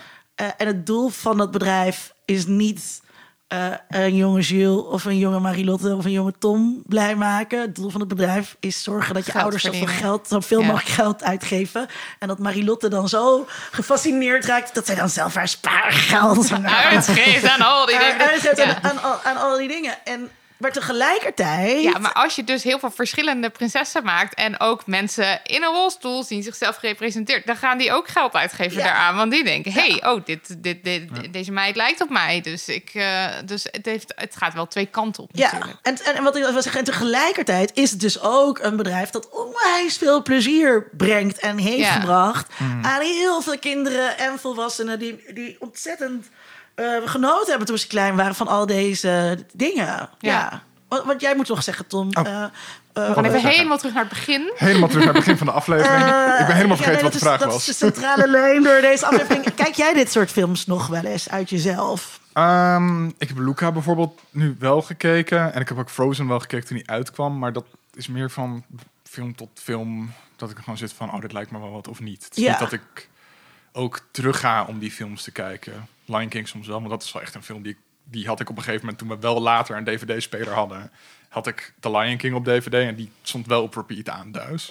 Dus die kijk ik nog wel eens terug. Dus dan ga je terug naar de dingen die je toch al wel keek. Ja, dus ik kijk niet dan... Ja, andere dingen. Oh, ik heb Bella en Beast laatst wel weer gekeken. De nieuwe? Oh, gewoon, of de Nee, oude? de, de oude. Ja. Ja. Eh, en daarna de nieuwe. En de nieuwe is heel erg slecht. Dat is heel erg jammer. Die live Eh, action versie. Ja, pff, vreselijk. Ja. van een film. Nee, eh, maar ik, ik, ben, ik ben dus niet echt heel erg bezig met Disney volgen. Eh, en, en heel veel Disney dingen terugkijken. Het is soms fijn als je brak op de bank ligt en gewoon mooie kleuren en lekkere muziek voorbij wil horen komen. Ja. En het zijn wel echt oorwormen, man, met de muziek. Daar hebben we het nauwelijks over gehad, volgens mij. Nou, wel een beetje. Maar gewoon. Let It Go bijvoorbeeld. Gewoon, je hoeft het maar te zeggen en ik heb het nummer in mijn hoofd. Ja. Gewoon direct. Wel Ja. knap. Heel knap. Ja. En ook, ook met, met Kleine Zeemermin van Diep onder de zee. Ja, De- de, de schrijvers of de, of de makers van Let It Go hebben ook eh, sorry gezegd voor Let It Go. Ja. Voor de, oor, voor de Ja. voor Let It Go. Maar Een catchy nummer gemaakt, kan Sorry gebeuren. voor Let It Go, maar nu heb je het weer in je hoofd. Ja. Dus Let It Go is ook heel toepasbaar in allerlei sociale situaties met mensen. Ja. Ik zeg, let it go, let it go.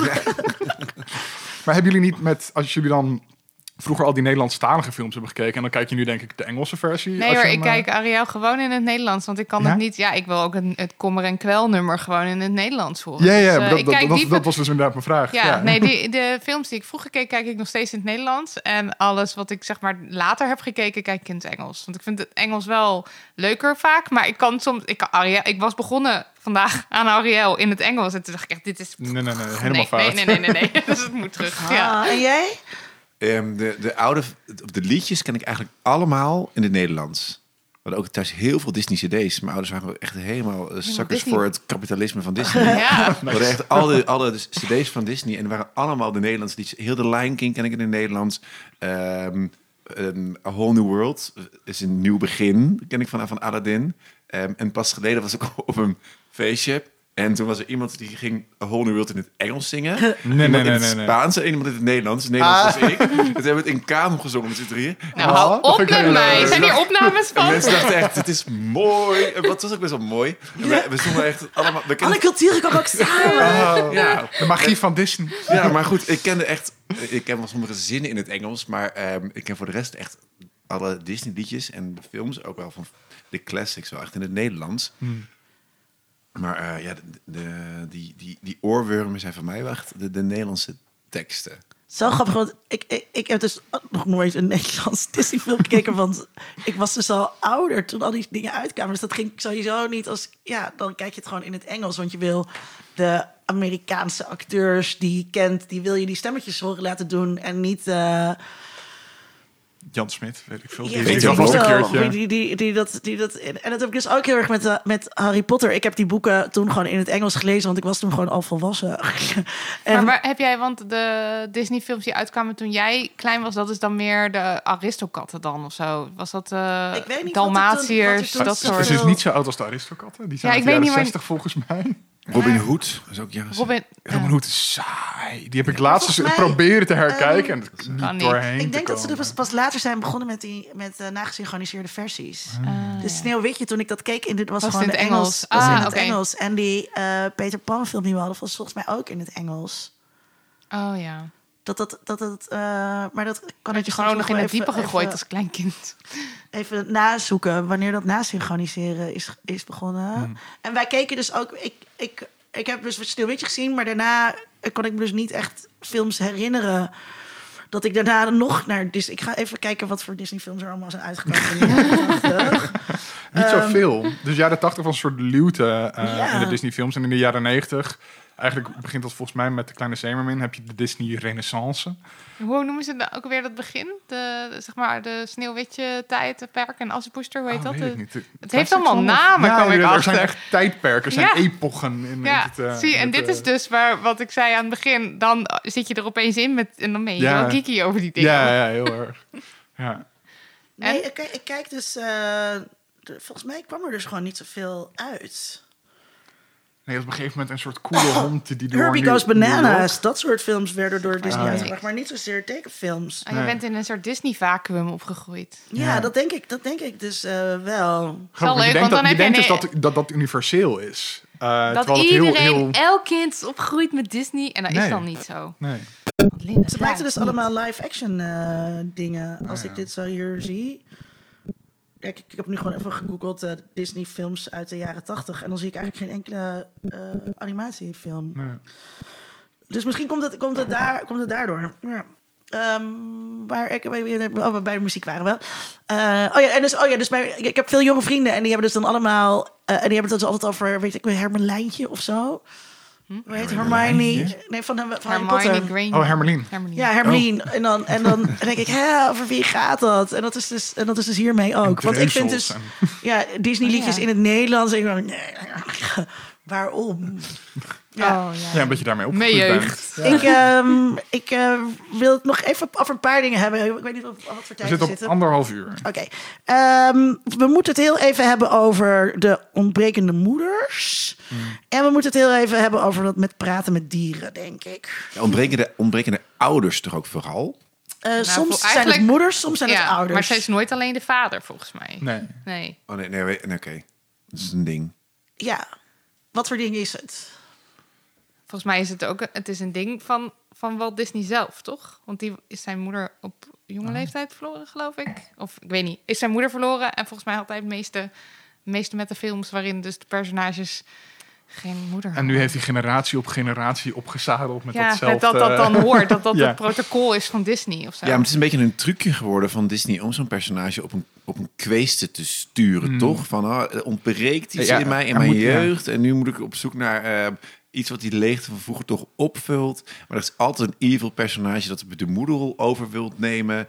En eh, daardoor wordt het leven nog lastiger gemaakt. Maar, maar ze gaan dus wel... eh, ze gaan wel bijna allemaal inderdaad op een kweeste. En dat is best wel eh, bijzonder. In die zin... Hè, dus ik zei aan het begin van... je kunt er van alles in lezen wat je, wat, je, wat je wil.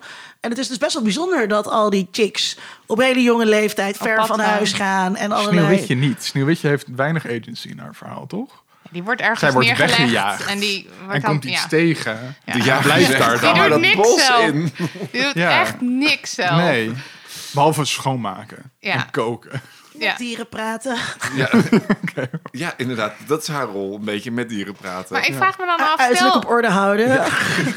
stel, die, stel die personages hadden allemaal nog wel een moeder gehad. wa- waren ze dan misschien niet op een kweeste gegaan? Want ik heb het gevoel dat, dat, dat die moeder dat En niet... Ariel speelt dat nul rol. Nee, toch? Helemaal niks. Want ja, dan kom je er ook pas later achter waarom Het is, zij geen het is dus heeft. ook... eh, ik, wil- ik heb, heb erop zitten letten en bij... eh, we- al die personages zijn ze of allebei dood... Of Maar bij Mulan dood. niet.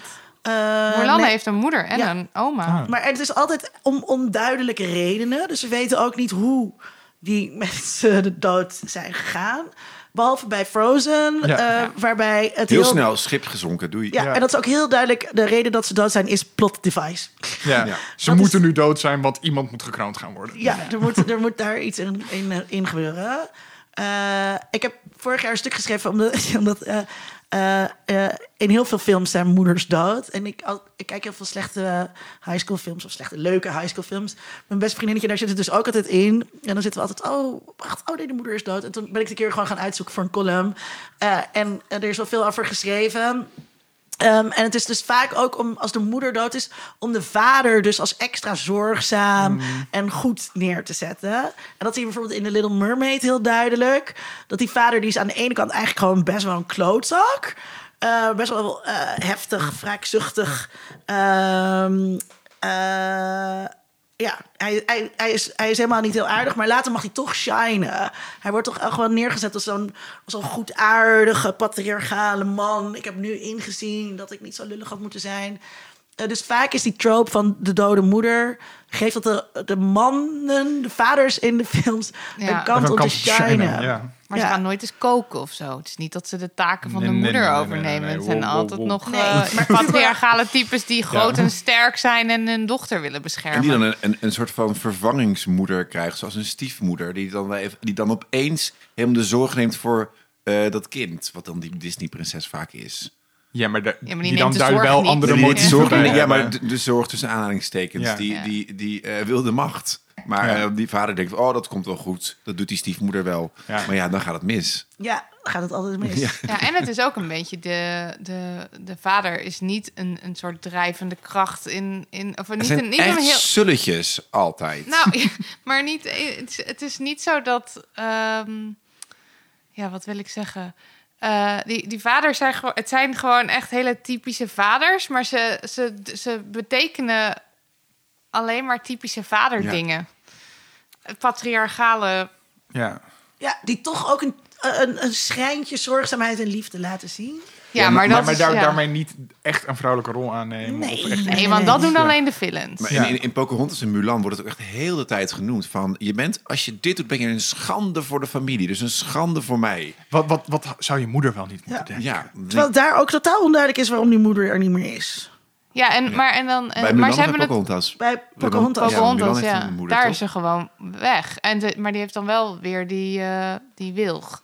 Die oma wilg. Of hoe Ja, heet ze? De grootmoeder wil. Ja, Ja. aan wie ze dan wijze raad kan vragen. Want wijze raad vraag je natuurlijk alleen maar aan je oma. Ja.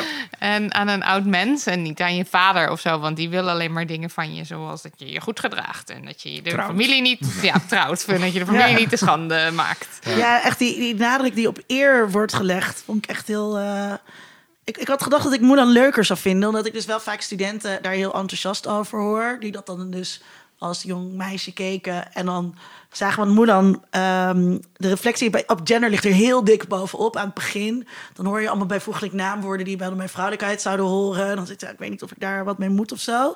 Ehm, en dus voor heel veel eh, jonge meisjes die dan later bij mij student werden, was die film dus echt een soort inspiratie. En echt een ding van meisjes hebben agency, een tomboy, en vechten. Ja, dat nummer, ehm, My Reflection, of hoe het ook heet, dat, dat, dat, dat heb ik vroeger ook heel veel gezongen. Als een soort Ja. power ding. Maar, maar dat is bij Mulan ook. Die film gaat zo... Ik, ze, ze- ze gaat best wel goed. Van, van, oh, zij kiest voor zichzelf en ze wil het land redden. En dan is die bijna klaar. En dan zegt die oma... Die zegt dan... ehm, eh, leuk hoor, zo'n zwaard. Want ze heeft die helpen die oorlog te winnen. Maar ehm, je had eigenlijk beter een man mee moeten nemen. Nou, toen dacht ik echt...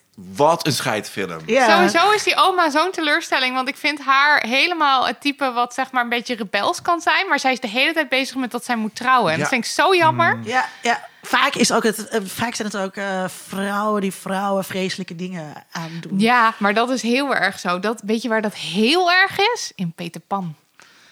Want daar heb je eh, Tinkerbell die jaloers is op Wendy. Oh, je hebt ja. die gemene zeemeerminnen. Je hebt Tiger Lily. Volgens mij er zit ook een hele racistische dingen in. Ja, dat, eigenlijk- dat, dat, dat, dat, dat eh, native mensen gaan vragen waarom hun huid rood is. Dat soort dingen. Ja. En daar weet, ja, ik, heb- ik heb geen details of zo, dus ik kan daar weinig. Maar goed, dat is erg racistisch. Maar gewoon ook die vrouwen zijn echt nasty tegen elkaar. En dat, is, dat zie je natuurlijk wel meer. Je hebt altijd de hele tijd die stiefmoeders en de, en de, en de boze veeën en dan weet ik wat. Maar eh, dat, is, dat is echt typisch hoor. Wat- Hoe je meekrijgt dat je als, als vrouwen moet vechten tegen vrouwen of zo. Ja, echt heel naar. Ja. Ik wou nog één over Mulan zeggen, want ik vond dus ook, oké, maar oké, oké, film, bla, bla, maar dan aan het einde, dan krijgt ze een baan in die council aangeboden. Dan denk je, goed zo, carrière bitch, weet je wel, Uh-huh. go for it, you better work girl. En dan gaat ze toch liever naar huis en dan vindt ze de liefde. En dat past totaal niet bij de rest van de film. Nee, ze was super actief in alles. En dan denk ze, oké, ik ga maar weer in deze, dit dorp wonen. En ehm, dan, ben, je- dan ben je in het hele continent bekend. Want je hebt het hele continent gered. Ja, Nee, ik ga je terug bent motherfucking Mulan bitch. Nee, ik ga weer lekker onder die, eh, die mooie jasmijnboom zitten. en dan Ja. ga ik lekker, de, lekker naar huis. Nou, Ja. heel huiselijk, huisboompje. Ja. Ja. Ja. Ja, En Maar ze heeft in er de- ding gedaan. Het is goed. Marilotte, eh, praten dieren tegen jou terug? Ja, veel. nee, dat is ook wel echt... eh, maar heb jij niet die intrinsieke connectie met de natuur? Ja, zeker wel. Ja, Ja, ja, ja. ja. Laatst eh, liep er nog een, eh, een soort pissenbed. eh, en toen Oh, ja. Oh, schat. Jij meteen een liedje zingen en een pissenbed meezingen. Onder de steen. Wat een fauna-rijk leven. Ja, nee, dat heb ik wel. Heb je wat te doen. Eh, nee, ja, apart hè? De, de, de, de, ja, van die pissenbed, maar ook van die, eh, van die types in. eh Wat maar ma- het was, wat was me nog helemaal niet zo opgevallen. Tenminste, ik wist wel dat het bij Sneeuwwitje zo gebeurde. Maar waar was het nou? Wat keken wij nog gisteren nog meer? Frozen? In oh ja, alle- daar heb je ook al die- alle films. alle films. Alle maar- films hebben ze ofwel een... eh, dus je kan ook een eh, sneeuwpop als sidekick hebben... maar dat neem ik dan ook maar even als een soort dier. Ja, dat, maar bij eh, Sneeuwwitje is het wel echt een hele bende Ja. beesten die achter haar aanrent en dan weer naar die dwerg en dan weer Het is ook terug. niet altijd praten met de dieren, maar ze moeten altijd de connectie voeden. Want in, in uh, Sneeuwwitje en in Pocahontas wordt er niet echt gepraat met ze, maar meer van... Oh, je bent mijn vriendje. Of je bent mijn Ja. vriendengroep. Of Van, we elkaar. Lowlands gang bij Sneeuwwitje. maar wat maken jullie daarvan? Ik- ja. Ja, is het om, dus voor, ik, ik, ik, als je er naar kijkt, denk je een beetje... Oké, blijkbaar zijn mensen niet te vertrouwen. Dus daarom moet je maar zo'n eh, dierenvriend hebben... of die, waar, waar je wel van op aan kan of zo. Want Pocahontas, eh, die, die heeft eigenlijk uiteindelijk meer hulp van, van, haar- van het wasbeertje en die vogel... in plaats van eh, al de, de hele volk of de hele, alle, alle, alle vrienden die ze wel heeft. Ja. Ik, ik weet ook niet waarom dat bijvoorbeeld gekozen. Misschien is het ook ehm, ja, in Frozen. Ehm, het zijn allemaal best wel eenzame mensen. Die dat we uiteindelijk wel iets meer karakter wordt bijgebracht door een dier. Ja, maar dat is ook omdat ze daar een soort van, in plaats van een interne monoloog, kan, kunnen ze een soort van hun Ja, twijfels en zo kunnen ze uiten Ja. tegen die, die dieren. En ze krijgen natuurlijk een vrij simpel antwoord terug steeds. Ja. Het is een soort van grappig of een beetje zo niet zo serieus. Ja, maar dan hoef je dus niet een echt gesprek met een mens aan te gaan. Nee, maar je een soort kan van wel psychologische zo- dingen uit moet gaan diepen. Ja, maar je kan wel gewoon eh, de gedachtegang zo... Maar ja, ze kunnen Ja. natuurlijk ook misschien wordt het ook neergezet. eh, goed, dat zijn allemaal dingen die Disney blijkbaar helemaal heeft overdacht. Ehm, misschien wordt het ook neergezet omdat ehm, je dan weet dat het fantasie is. Misschien helpt dat ook. Of zo, want je weet, oké, dieren bestaan eh, niet echt voor dat kinderen denken... oh, dit is een hele mooie fantasiewereld. Dit is een nep. Is, dit is dit is Ik praat heel veel tegen mijn katten. Oh ja? Ja. Ze praten nooit terug. Nee. Je hebt toch niet die maar- bijzondere connectie die ik had met die pissenbed. Ja. En, maar het, is, het voelt een beetje kinderachtig ook of zo. Ik weet het Het, niet. het is, ik vind wel wat je- jij zegt, vind ik wel interessant, want eh, ook bij al die films zat ik op de, op de, te denken, wanneer is dit? Dus het, is- het is altijd in een soort van niet bestaande middeleeuwen. In de vroeger. In de vroeger, ja, ja. Toen dingen anders waren en er geen technologie was of zo. Ehm, dus dat, dat, zit wel, dat sprook, het, maakt dat wel tot, inderdaad tot een sprookje. Het, het is- het is in een niet bestaande tijd en er gebeuren dingen die niet kunnen. Ja, dat is waar. Want je hebt natuurlijk die film eh, Enchanted, waarin Giselle, de prinses Giselle, eh, echt wordt. Van tekenfilm naar echt. En dan heeft ze ook in de echte wereld die bijzondere connectie met dieren. Maar dus ook met die met gore muizen die in een appartement zitten. En die met duiven Oh, die zitten te schijten en zo. En dat was eigenlijk heel grappig om dat dan in het echt soort van terug te zien. Hoe kut moet dat zijn? Ja, als Ja. je in deze wereld een bijzondere connectie hebt met dieren. Dat was erg hilarisch. Ehm, eh, wat ik dus ook daar- wat ik daarbij dacht, ehm, was het is ook. ehm, laatst hadden we in de andere podcast onder Media-doctoren. eh hadden we een aflevering over dieren en media. En toen eh, was mijn co-host Vincent super, mijn vaste media, doctor Vincent Kronen, eh, was super aan het bitchen. Hij heeft net een dochter. En ehm, hij vindt het dus een soort. Hij zei ja. Er is zoveel dierenpropaganda. Dus als je een baby krijgt, dan wordt liefde voor dieren je door je strot geduwd. Dus ehm, kle- kle- kleding is met, met diertjes en eh moeten allemaal knuffels. En alles met kinderen eh, is bedoeld om een soort liefde voor dieren op te wekken. Waarvan ik denk, eh, ja, want dat is goed. En het is goed, Ja. voor, om, het is goed om met dieren om te gaan. En voor een kind om te leren dat je lief moet zijn voor je medewezens of zo. Eh, maar Vincent, die, ik zag het als een soort evil propaganda, wat heel grappig was. Maar dat, dus daar moest ik heel erg aan denken toen al die, met die, al die dieren.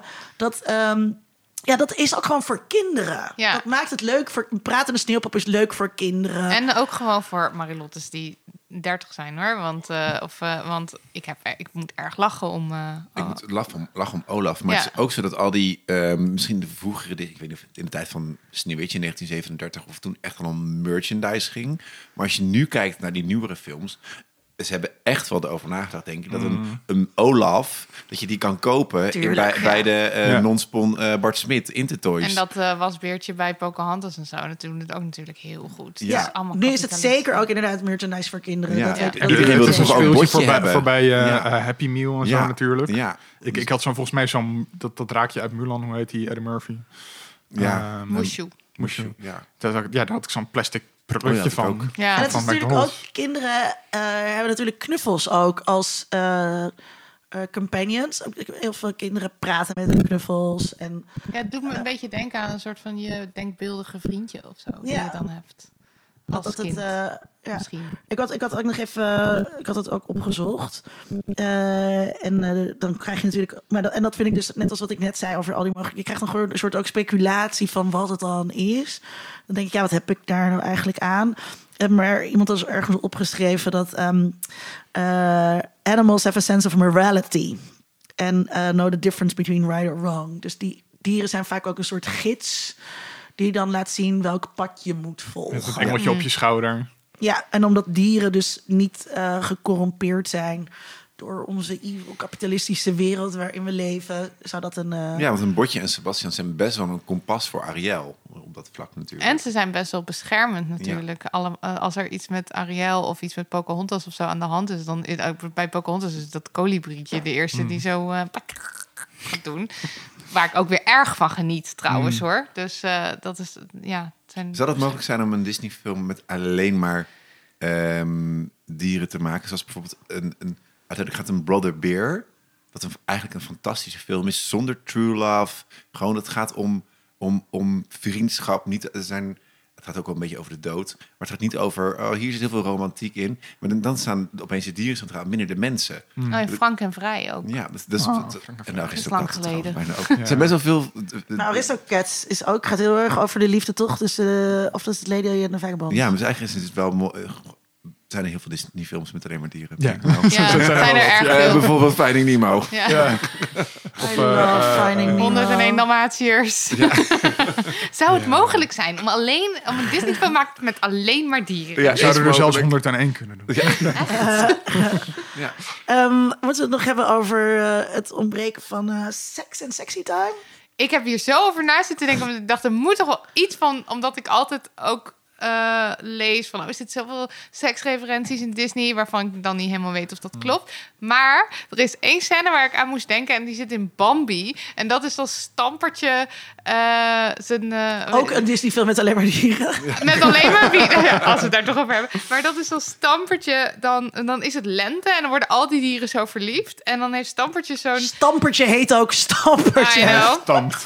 En hij stampt en die ontmoet dan, nou ja, een soort een super sexy vrouwelijk konijntje. En die kust hem dan en dan gaat hij zo heel erg hard met zijn pootje zo op het, En het, het heeft gewoon iets best wel seksueels of zo. Want hij is Ja, omdat helemaal heel gek gegenderd konijntje ineens. Ja, ja. maar het is, het, is, het is echt, het, is een, het heeft een heel seksueel iets ook omdat hij letterlijk helemaal opgewonden raakt. Want zijn oren raken helemaal zo door elkaar en dan zakt hij weer ineen en zo. En toen dacht ik, nou, volgens mij is dat het dichtst bij wat sexy time Maar is dat in heb je in Sneeuwwitje bijvoorbeeld ook. Als Sneeuwwitje al die dwergen gaat kussen. en Oh ja, dan en raken ze ook helemaal raken zo. Ze, raken, Oh, worden ja. helemaal geil. En dan gaan ze Ja, weer een rondje om het huis rennen. En dan komen ze weer terug. Hebben ze weer rode oortjes.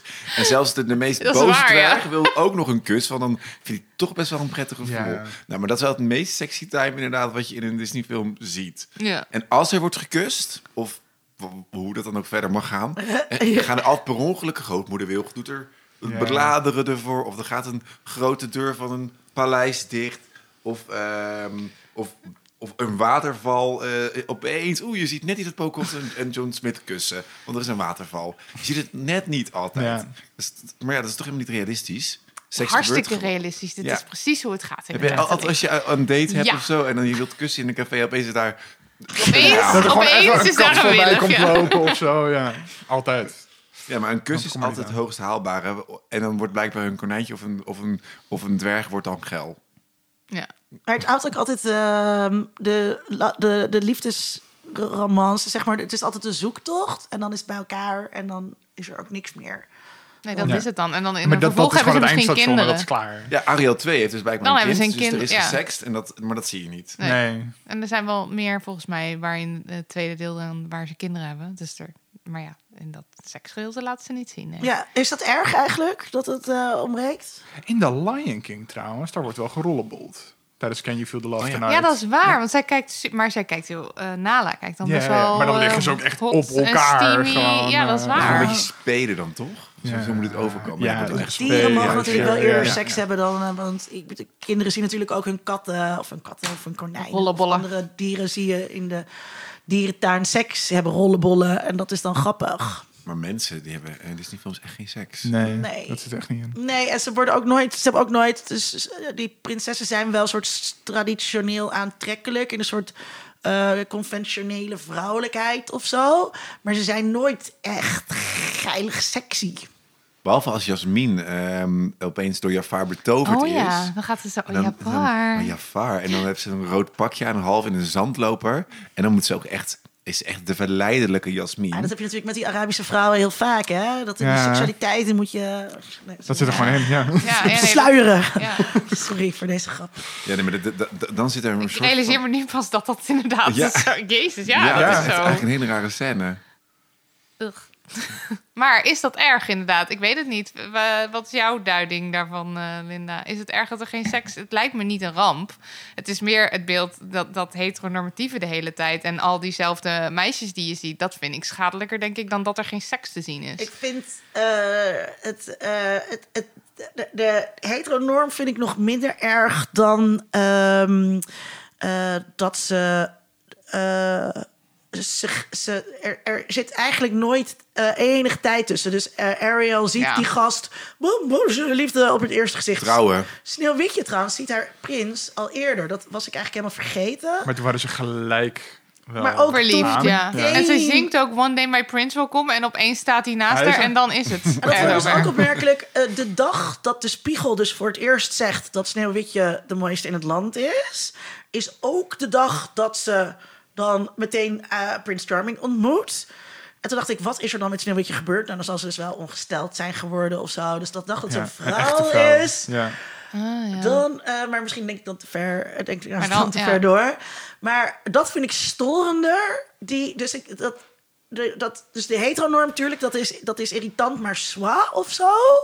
Eh, dat, de heteronorm dat het altijd heteroseksuele relaties zijn. Maar storender vind ik ehm, dat, er, dat, dat er dus geen enkele matching is. Of elkaar leren kennen. Of Behalve bij Mulan, want daar vind ik wel echt dat er een soort van lijn is van... eh, Er gaat duidelijk tijd overheen omdat ze allemaal getraind worden. En je weet. Ja, niet precies ja. wat er dan allemaal gebeurd is. Maar bij, bij Sneeuwwitje en bij, ehm maar bij Ariel Mulan en zo denk ook je... niet. Want dan zou het gay zijn.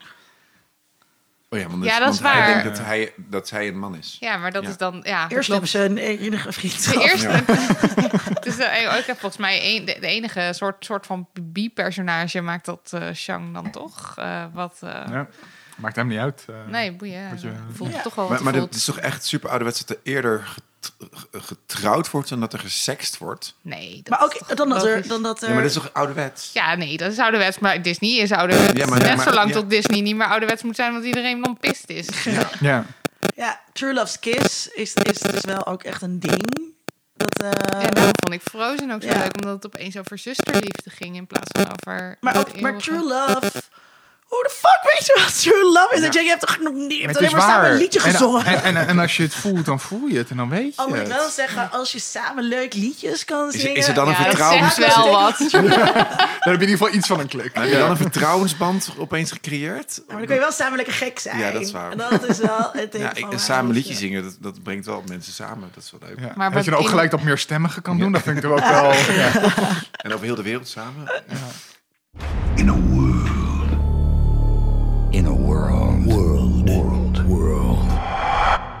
In a world. We hadden natuurlijk nog duizend keer meer dingen meer- kunnen zeggen eh, hierover. Eh, maar we moeten ergens een streep trekken. En we moeten ook nog ergens zin in hebben. Marilotte, waar heb jij zin in? Behalve super queer, sexy representaties van Disney-prinsessen in nieuwe films. Nou ja, ga ik dus toch dat zeggen. Ik heb eh, heel erg aansluitend op dit onderwerp. ehm, ga ik mezelf, even, mijzelf en Nidia even pluggen. We Yes, hebben, plug. een, Yes. eh, we hebben een, een boek vertaald wat eh, in maart 2022 uitkomt. Het heet Aspoester en het glazen plafond. En het, Oh, is, eh, nou. het zijn allemaal feministische sprookjes. Zoals eh Mulan wil geld zien. Het gaat inderdaad over de loonkloof. En dat zij gewoon pist wordt dat ze niet genoeg betaald Wat krijgt. leuk. Maar jij hebt zelf die sprookjes... eh, Niet bedacht, maar, eh, maar vertaald. Dus Nee, als poester heb je niet zelf bedacht. Nee, Aspoes heb ik niet zelf bedacht. En ook de herschrijving, de feministische Ah, herschrijving ervan ook niet. Dus we hebben het gewoon vertaald. Maar ik moest erg lachen, want bijvoorbeeld eh, de kleine Zimmin krijgt een vagina... en ontdekt dan dat ze, de, het enige wat het waard is om je familie te verlaten... is je clitoris, zeg maar dat. En ik, ik, ik vond, vond het echt helemaal geweldig. Ik kon niet wachten tot het Wat er is. Ja. heerlijk. Dus, en ik denk dus wel echt dat het tijd is dat er ook dat soort vertellingen zijn. Heus niet om de sprookjes die bestaan te vervangen, maar wel gewoon om maar even te laten zien. eh, oh ja, nee, ja, inderdaad. Mulan eh, gaat, eh, die krijgt een baan aangeboden en geld verdienen en gaat dan weer naar huis. Het is eigenlijk heel stom. Laten we het hebben over het loonkloof. Maar je zei het heel snel. Wat was de titel? Uh, Assepoester en het glazen plafond. Oh ja. Ja. Ja. Eh, ik snap hem. Glazen Ja. Ja. plafond. Wat, wat is met die sprookjes wel? Ehm, eh, eh, sprookjes waren gewoon vroeger heel vuig. En het waren echt een soort... eh, Ja, heel eh, erg, eh, heel veel seks. Heel, veel, seks moord. en heftige verhalen. En juist toen de gebroeders Grimm ze gingen opschrijven... zijn ze gekuist omdat ehm, eh, die gebroeders Grimm waren een beetje schoolmeesters. Dus het moest, moesten pedagogische verhalen worden. Dus toen is- zijn alle kannibalen en de seks en al die shit is eruit gehaald. En nu denken we dus vaak aan sprookjes in de vorm waarop Disney ze toegeëigend heeft, zeg Ja. maar. Van dit is het verhaal van Assepoester, maar er is niet één verhaal van Assepoester. Het is altijd een soort in beweging toe-eigenings-remix verhaal geweest... waarin mensen dat vertelden en hervertelden... en er hun eigen dingen mee deden om bepaalde boodschappen over te brengen. Dus ofwel hè, bij Hans en Grietje om kinderen te waarschuwen... dat je niet moet verdwalen in het bos... Ofwel vrouwen te waarschuwen dat je moet oppassen voor predators onderweg. Wat kapje, weet je. Ehm, en wat Disney heeft gedaan... Want er was nu, zeg maar, er was toch zo'n reddetje rondom Sneeuwwitje en, eh, Ja. eh, en eh, in Disneyland dat je dan dat dat dat dat dat feministen zeiden van het kan niet meer dat ze wordt wakker gekust door een prins, want, Want ze dat kan is geen consent consent. geven. En toen zeiden mensen, ah, je moet je shit niet herschrijven, dat is cultuur of zo. Nee, de cultuur is altijd geweest herschrijven. Ja, en dan is het ook leuk als de originele of de, de, de sprookjes zoals wij ze origineel kennen, als die er ook nog zijn. Het is niet zo dat ze weg moeten of zo. Nee, het is maar gewoon er is allemaal dus lekker ook- naast elkaar. Maar er is dus geen originele assenpoester die Nee. we kunnen herleiden of zo. Nou ja, misschien als je erin duikt. Ik heb ooit mijn scriptie geschreven over mijn bachelor scriptie geschreven over de gelaarste kat en wanneer dan de eerste versie. En de eerste Oh. versies die geschre- opgeschreven zijn kwamen uit 1600 nog wat of zo. Ja. En die gaan allemaal heel anders en het is allemaal ja, allemaal heel En dat zijn de eerste Gewoon heel opgeschreven versies. Ja, Dus precies. daarvoor En Ja, ja. daarvoor ja. werden ze verteld. Ja. Dus dat is gewoon eigenlijk alleen maar heel erg leuk als mensen aan de haal gaan met een tekst. Juist, ja, Ja. dat vind ik dus ook. Ja. Oh, ik ben maar- heel benieuwd hiernaar. En maak het inderdaad van deze tijd. En dat zijn jullie aan het doen. Ja. Of tenminste, wij niet. Wij gingen het gewoon vertalen. Ja. Maar die Ja, mensen. fuck Disney. en dan, eh, en dan eh, ooit, misschien eh, hoop ik dat Disney dan eh, over 35 jaar, Get With The Program, dan kopen ze de rechten daarvan.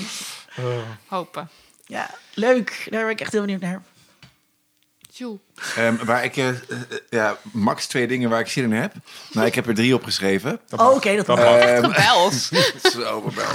Ik zou een Disney-prinses moeten zijn. Ehm, ik, heb, ehm, ehm, sterft. ik heb zin in eh, wat nu aan de hand is. De herfst. Klinkt heel suf, maar ik ben echt een herfst. Ik ook. Ja, ik ben voorstander van de herfst. De Herfst tijd komt eraan seizoen. en binnenkort gaat de klok Oh, yes. weer zo dat het eerder donker wordt. Ik heb echt zin in. Lekker warm thuis binnen zitten. Lekker knus. Ja, ik vind het heel leuk dat de herfst eraan komt en ook dat het regent. En heb je, maar heb je niet ook, zeg maar, ik heb dus, ik, iedereen is altijd zo, "Mm, zomer, zonneschijn. ja." Ik ook leuk, maar, Maar dan nu moet niet. je dus altijd iets gaan doen met je vrienden. Ja, en nu in de herfst ga ik thuis Ja, Ik raak ook altijd heel opgefokt van de zomer, terwijl ik wel altijd mijn lievelingsseizoen vind. Ja, maar ik vind het, ik ben ik kom in- zo klaar voor de herfst. Ik kom in de herfst lekker tot rust. Heerlijk. Kan je, lekker, kan je lekker thuis praten met Precies, dieren. ja. Ja, en in de herfst zijn er veel meer eekhoorntjes en kastanjes.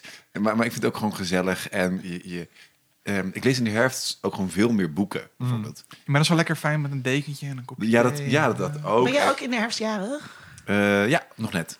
Ja, Ja, denk ik. Eh 11 december. Is dat Ja, natuurlijk? dat ja is vind ik nog wel herfst. Ja. Ja. Ja, dus, ja, is een beetje herfst. Eh, waar ik ook zin in heb, is het nieuwe album van Adele. Waar ze waarschijnlijk heel de wereld zin in heeft. Maar het wordt nu zo gehyped.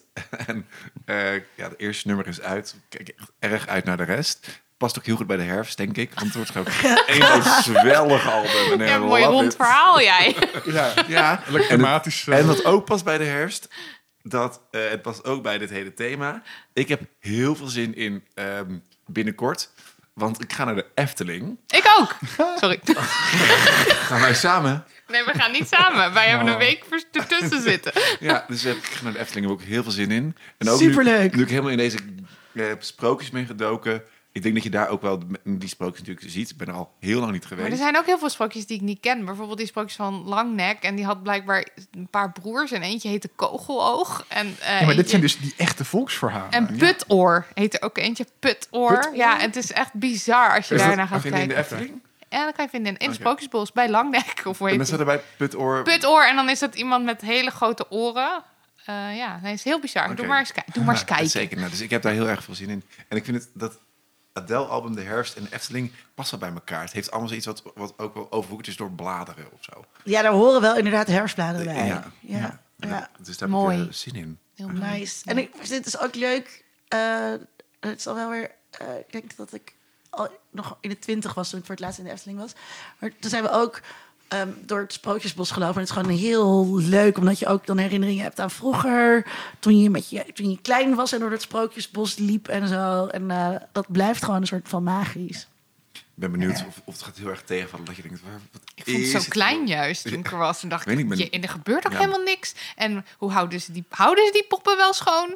Ik heb heel erg zitten nadenken over hoe ze de dingen schoonhouden daar in Efteling. Dat doen ze volgens mij niet. Jawel, ze gaan dat huisje van, van Roodkapje echt wel in hoor. Nou, ik vraag het me af. Kijk maar eens goed. Het ik is ga het een om schoon te Even een houden. testkitje Ik mee, er zelf zaklampje.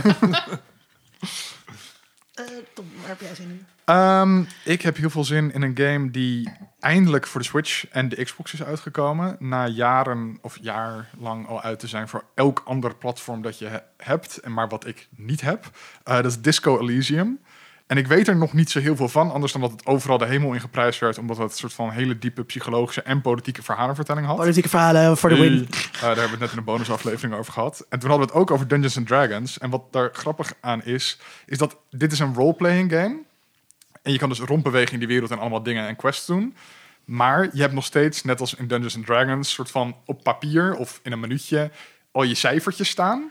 En op het moment dat iets gecheckt moet worden, verschijnen er gewoon dobbelstenen in beeld. Van er wordt met een dobbelsteen gerold en dan heb je dus 92% Maar je hebt ook nog analoog een papiertje naast je. Nee, nee, nee. Dus in een minuutje zit het Oh, oh ja, ergens. Ehm, en het grappige is, is dat al deze aspecten, eh, skills waarmee je soort van deze tests kan halen, dat die ook soort van onderdeel zijn van je interne monoloog.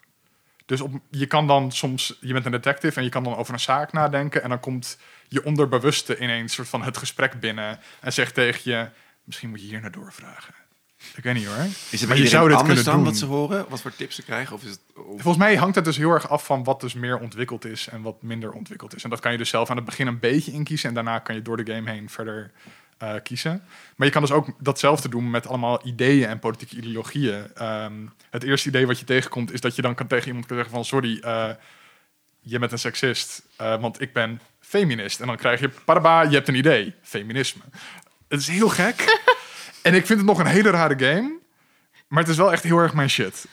Het, is- het is heel bizar, maar het is heel leuk. Maar je hebt dus nog nooit eh, gespeeld. Nee, ik heb dus nu een 20 minuten heb ik het gespeeld Oké. of zo. Dus ik, ik kan er nog niet echt heel erg over zeggen wat ik er precies van vind, maar tot nu toe vind ik alles heel erg vet gedaan. Dus ja, daar kijk ik heel erg naar uit om dat verder te spelen. Nog een keer de titel? Disco Elysium. Klinkt goed. Ehm, ik had dus eh, weer Disney Plus genomen om deze films eh, te kunnen kijken in de trein op mijn telefoon. Ehm, eh, en ehm, eh, toen ehm, eh, zag ik dat eh, Disney heeft een Halloween collection. En hier, daar bladerde ik even doorheen en dacht ik, oh, ik heb hier heel erg zin in om dit soort dingen te kijken. Bijvoorbeeld Muppets and the Haunted Mansion of Lego Star Wars Terrifying Tales of Frankenweenie. Ik hou heel erg van dat soort dingen. En ik vind dus, ja, ik, heb dus al eerder gezegd, die kunst heel makkelijk zuur zijn of bitchen of zo op dit soort dingen. Maar het is ook gewoon vaak heel lekker. Ja. Het is ook gewoon heel goed gemaakt. ehm, om, om ons te vermaken. Ja, natuurlijk. Dat is, dat, over dit alles is er gewoon heel... Experts zijn met animaties en, en het zijn artiesten die met, met hele mooie technieken aan de haal zijn gegaan. En dus dat, ga je, dat zie je op Disney Plus, op die Halloween special natuurlijk. En alles, dat zie je altijd. Dus Ja. daar kunnen we op bitchen, maar zelf zouden we dat nooit kunnen. Nee, zeker niet. Nee, dus ik heb ook. Ik Het heb is ook, ook mooi een- om dat eventjes te benoemen, nee, inderdaad. ja. Alleen maar je kritiek te heel hebben te over leggen. ons Ja, heen. precies. En, eh, Het is een bederfelijke ideologie, maar ze hebben het wel mooi gedaan. Nou, dat is wel. types, lekker gewerkt. Ja. Dat is een mooie, de mooie titel van de aflevering, denk ik. Ehm, ja, eh, dit was eh, aflevering eh, 84. Ik heb dat goed opgeschreven. Ja, dit was aflevering 84 van eh eh, Geeky Dingen. Tom had het al net even over bonus eh, content. We hebben dus net eh, bonus content opgenomen over Dungeons and Dragons en eh, de boeken van Aafke Romein. Als je dat wilt luisteren, word dan vriend van de show of eh, Patreon. Kijk op vriendvandeshow.nl slash dingen of patreon.com slash geeky dingen. Ehm, ben je dit niet, maar denk je, nou, ik wil me wel hiertoe laten verleiden. Ehm, vertel ons dan wat je leuke bonus content zou vinden, waardoor jij denkt, ik word nu vriend van de show, omdat ik dit wil luisteren. Dus wat wil je horen van mij en Tom, ehm, eh, dat jou over de drempel houdt om eh vriend, Wa- eh, wat moeten te we voor je worden? doen? Wat moeten we voor je doen? Ja, Ehm, sowieso als je eh eh betalend luisteraar wordt, dan krijg je onze aflevering twee dagen eerder, namelijk op donderdag in plaats van op zaterdag. Als altijd dank aan onze vaste steun, Rona Bosman. En heel erg veel dank aan Marilotte Hagen en Julie Keizer. Superleuk dat jullie er waren. We hadden, Leuk om er te we hadden zijn. hier volgens mij echt nog twee uur over door. Ik begon net een beetje op stoom te Ja, raken. ik net een beetje. Ik heb echt nog duizend dingen in het draaiboek staan over actieradius en huiselijkheid. Ehm, dus we kunnen altijd nog een aflevering Had ik echt niks van begrepen. van actieradius. Ik heb dat gegoogeld. Oh. volgende keer simpele woorden gebruiken. Oké, oké. Ehm, volgende keer in deze podcast doen we een special voor Halloween. Mhm. Eh, we gaan The Exorcist kijken. Dat is dus ook eh, het huiswerk. Ehm, eh, um, uh, hopelijk ehm, luister je dan dus ook. Dit was Kiki Dingen. En we leefden nog lang en gelukkig.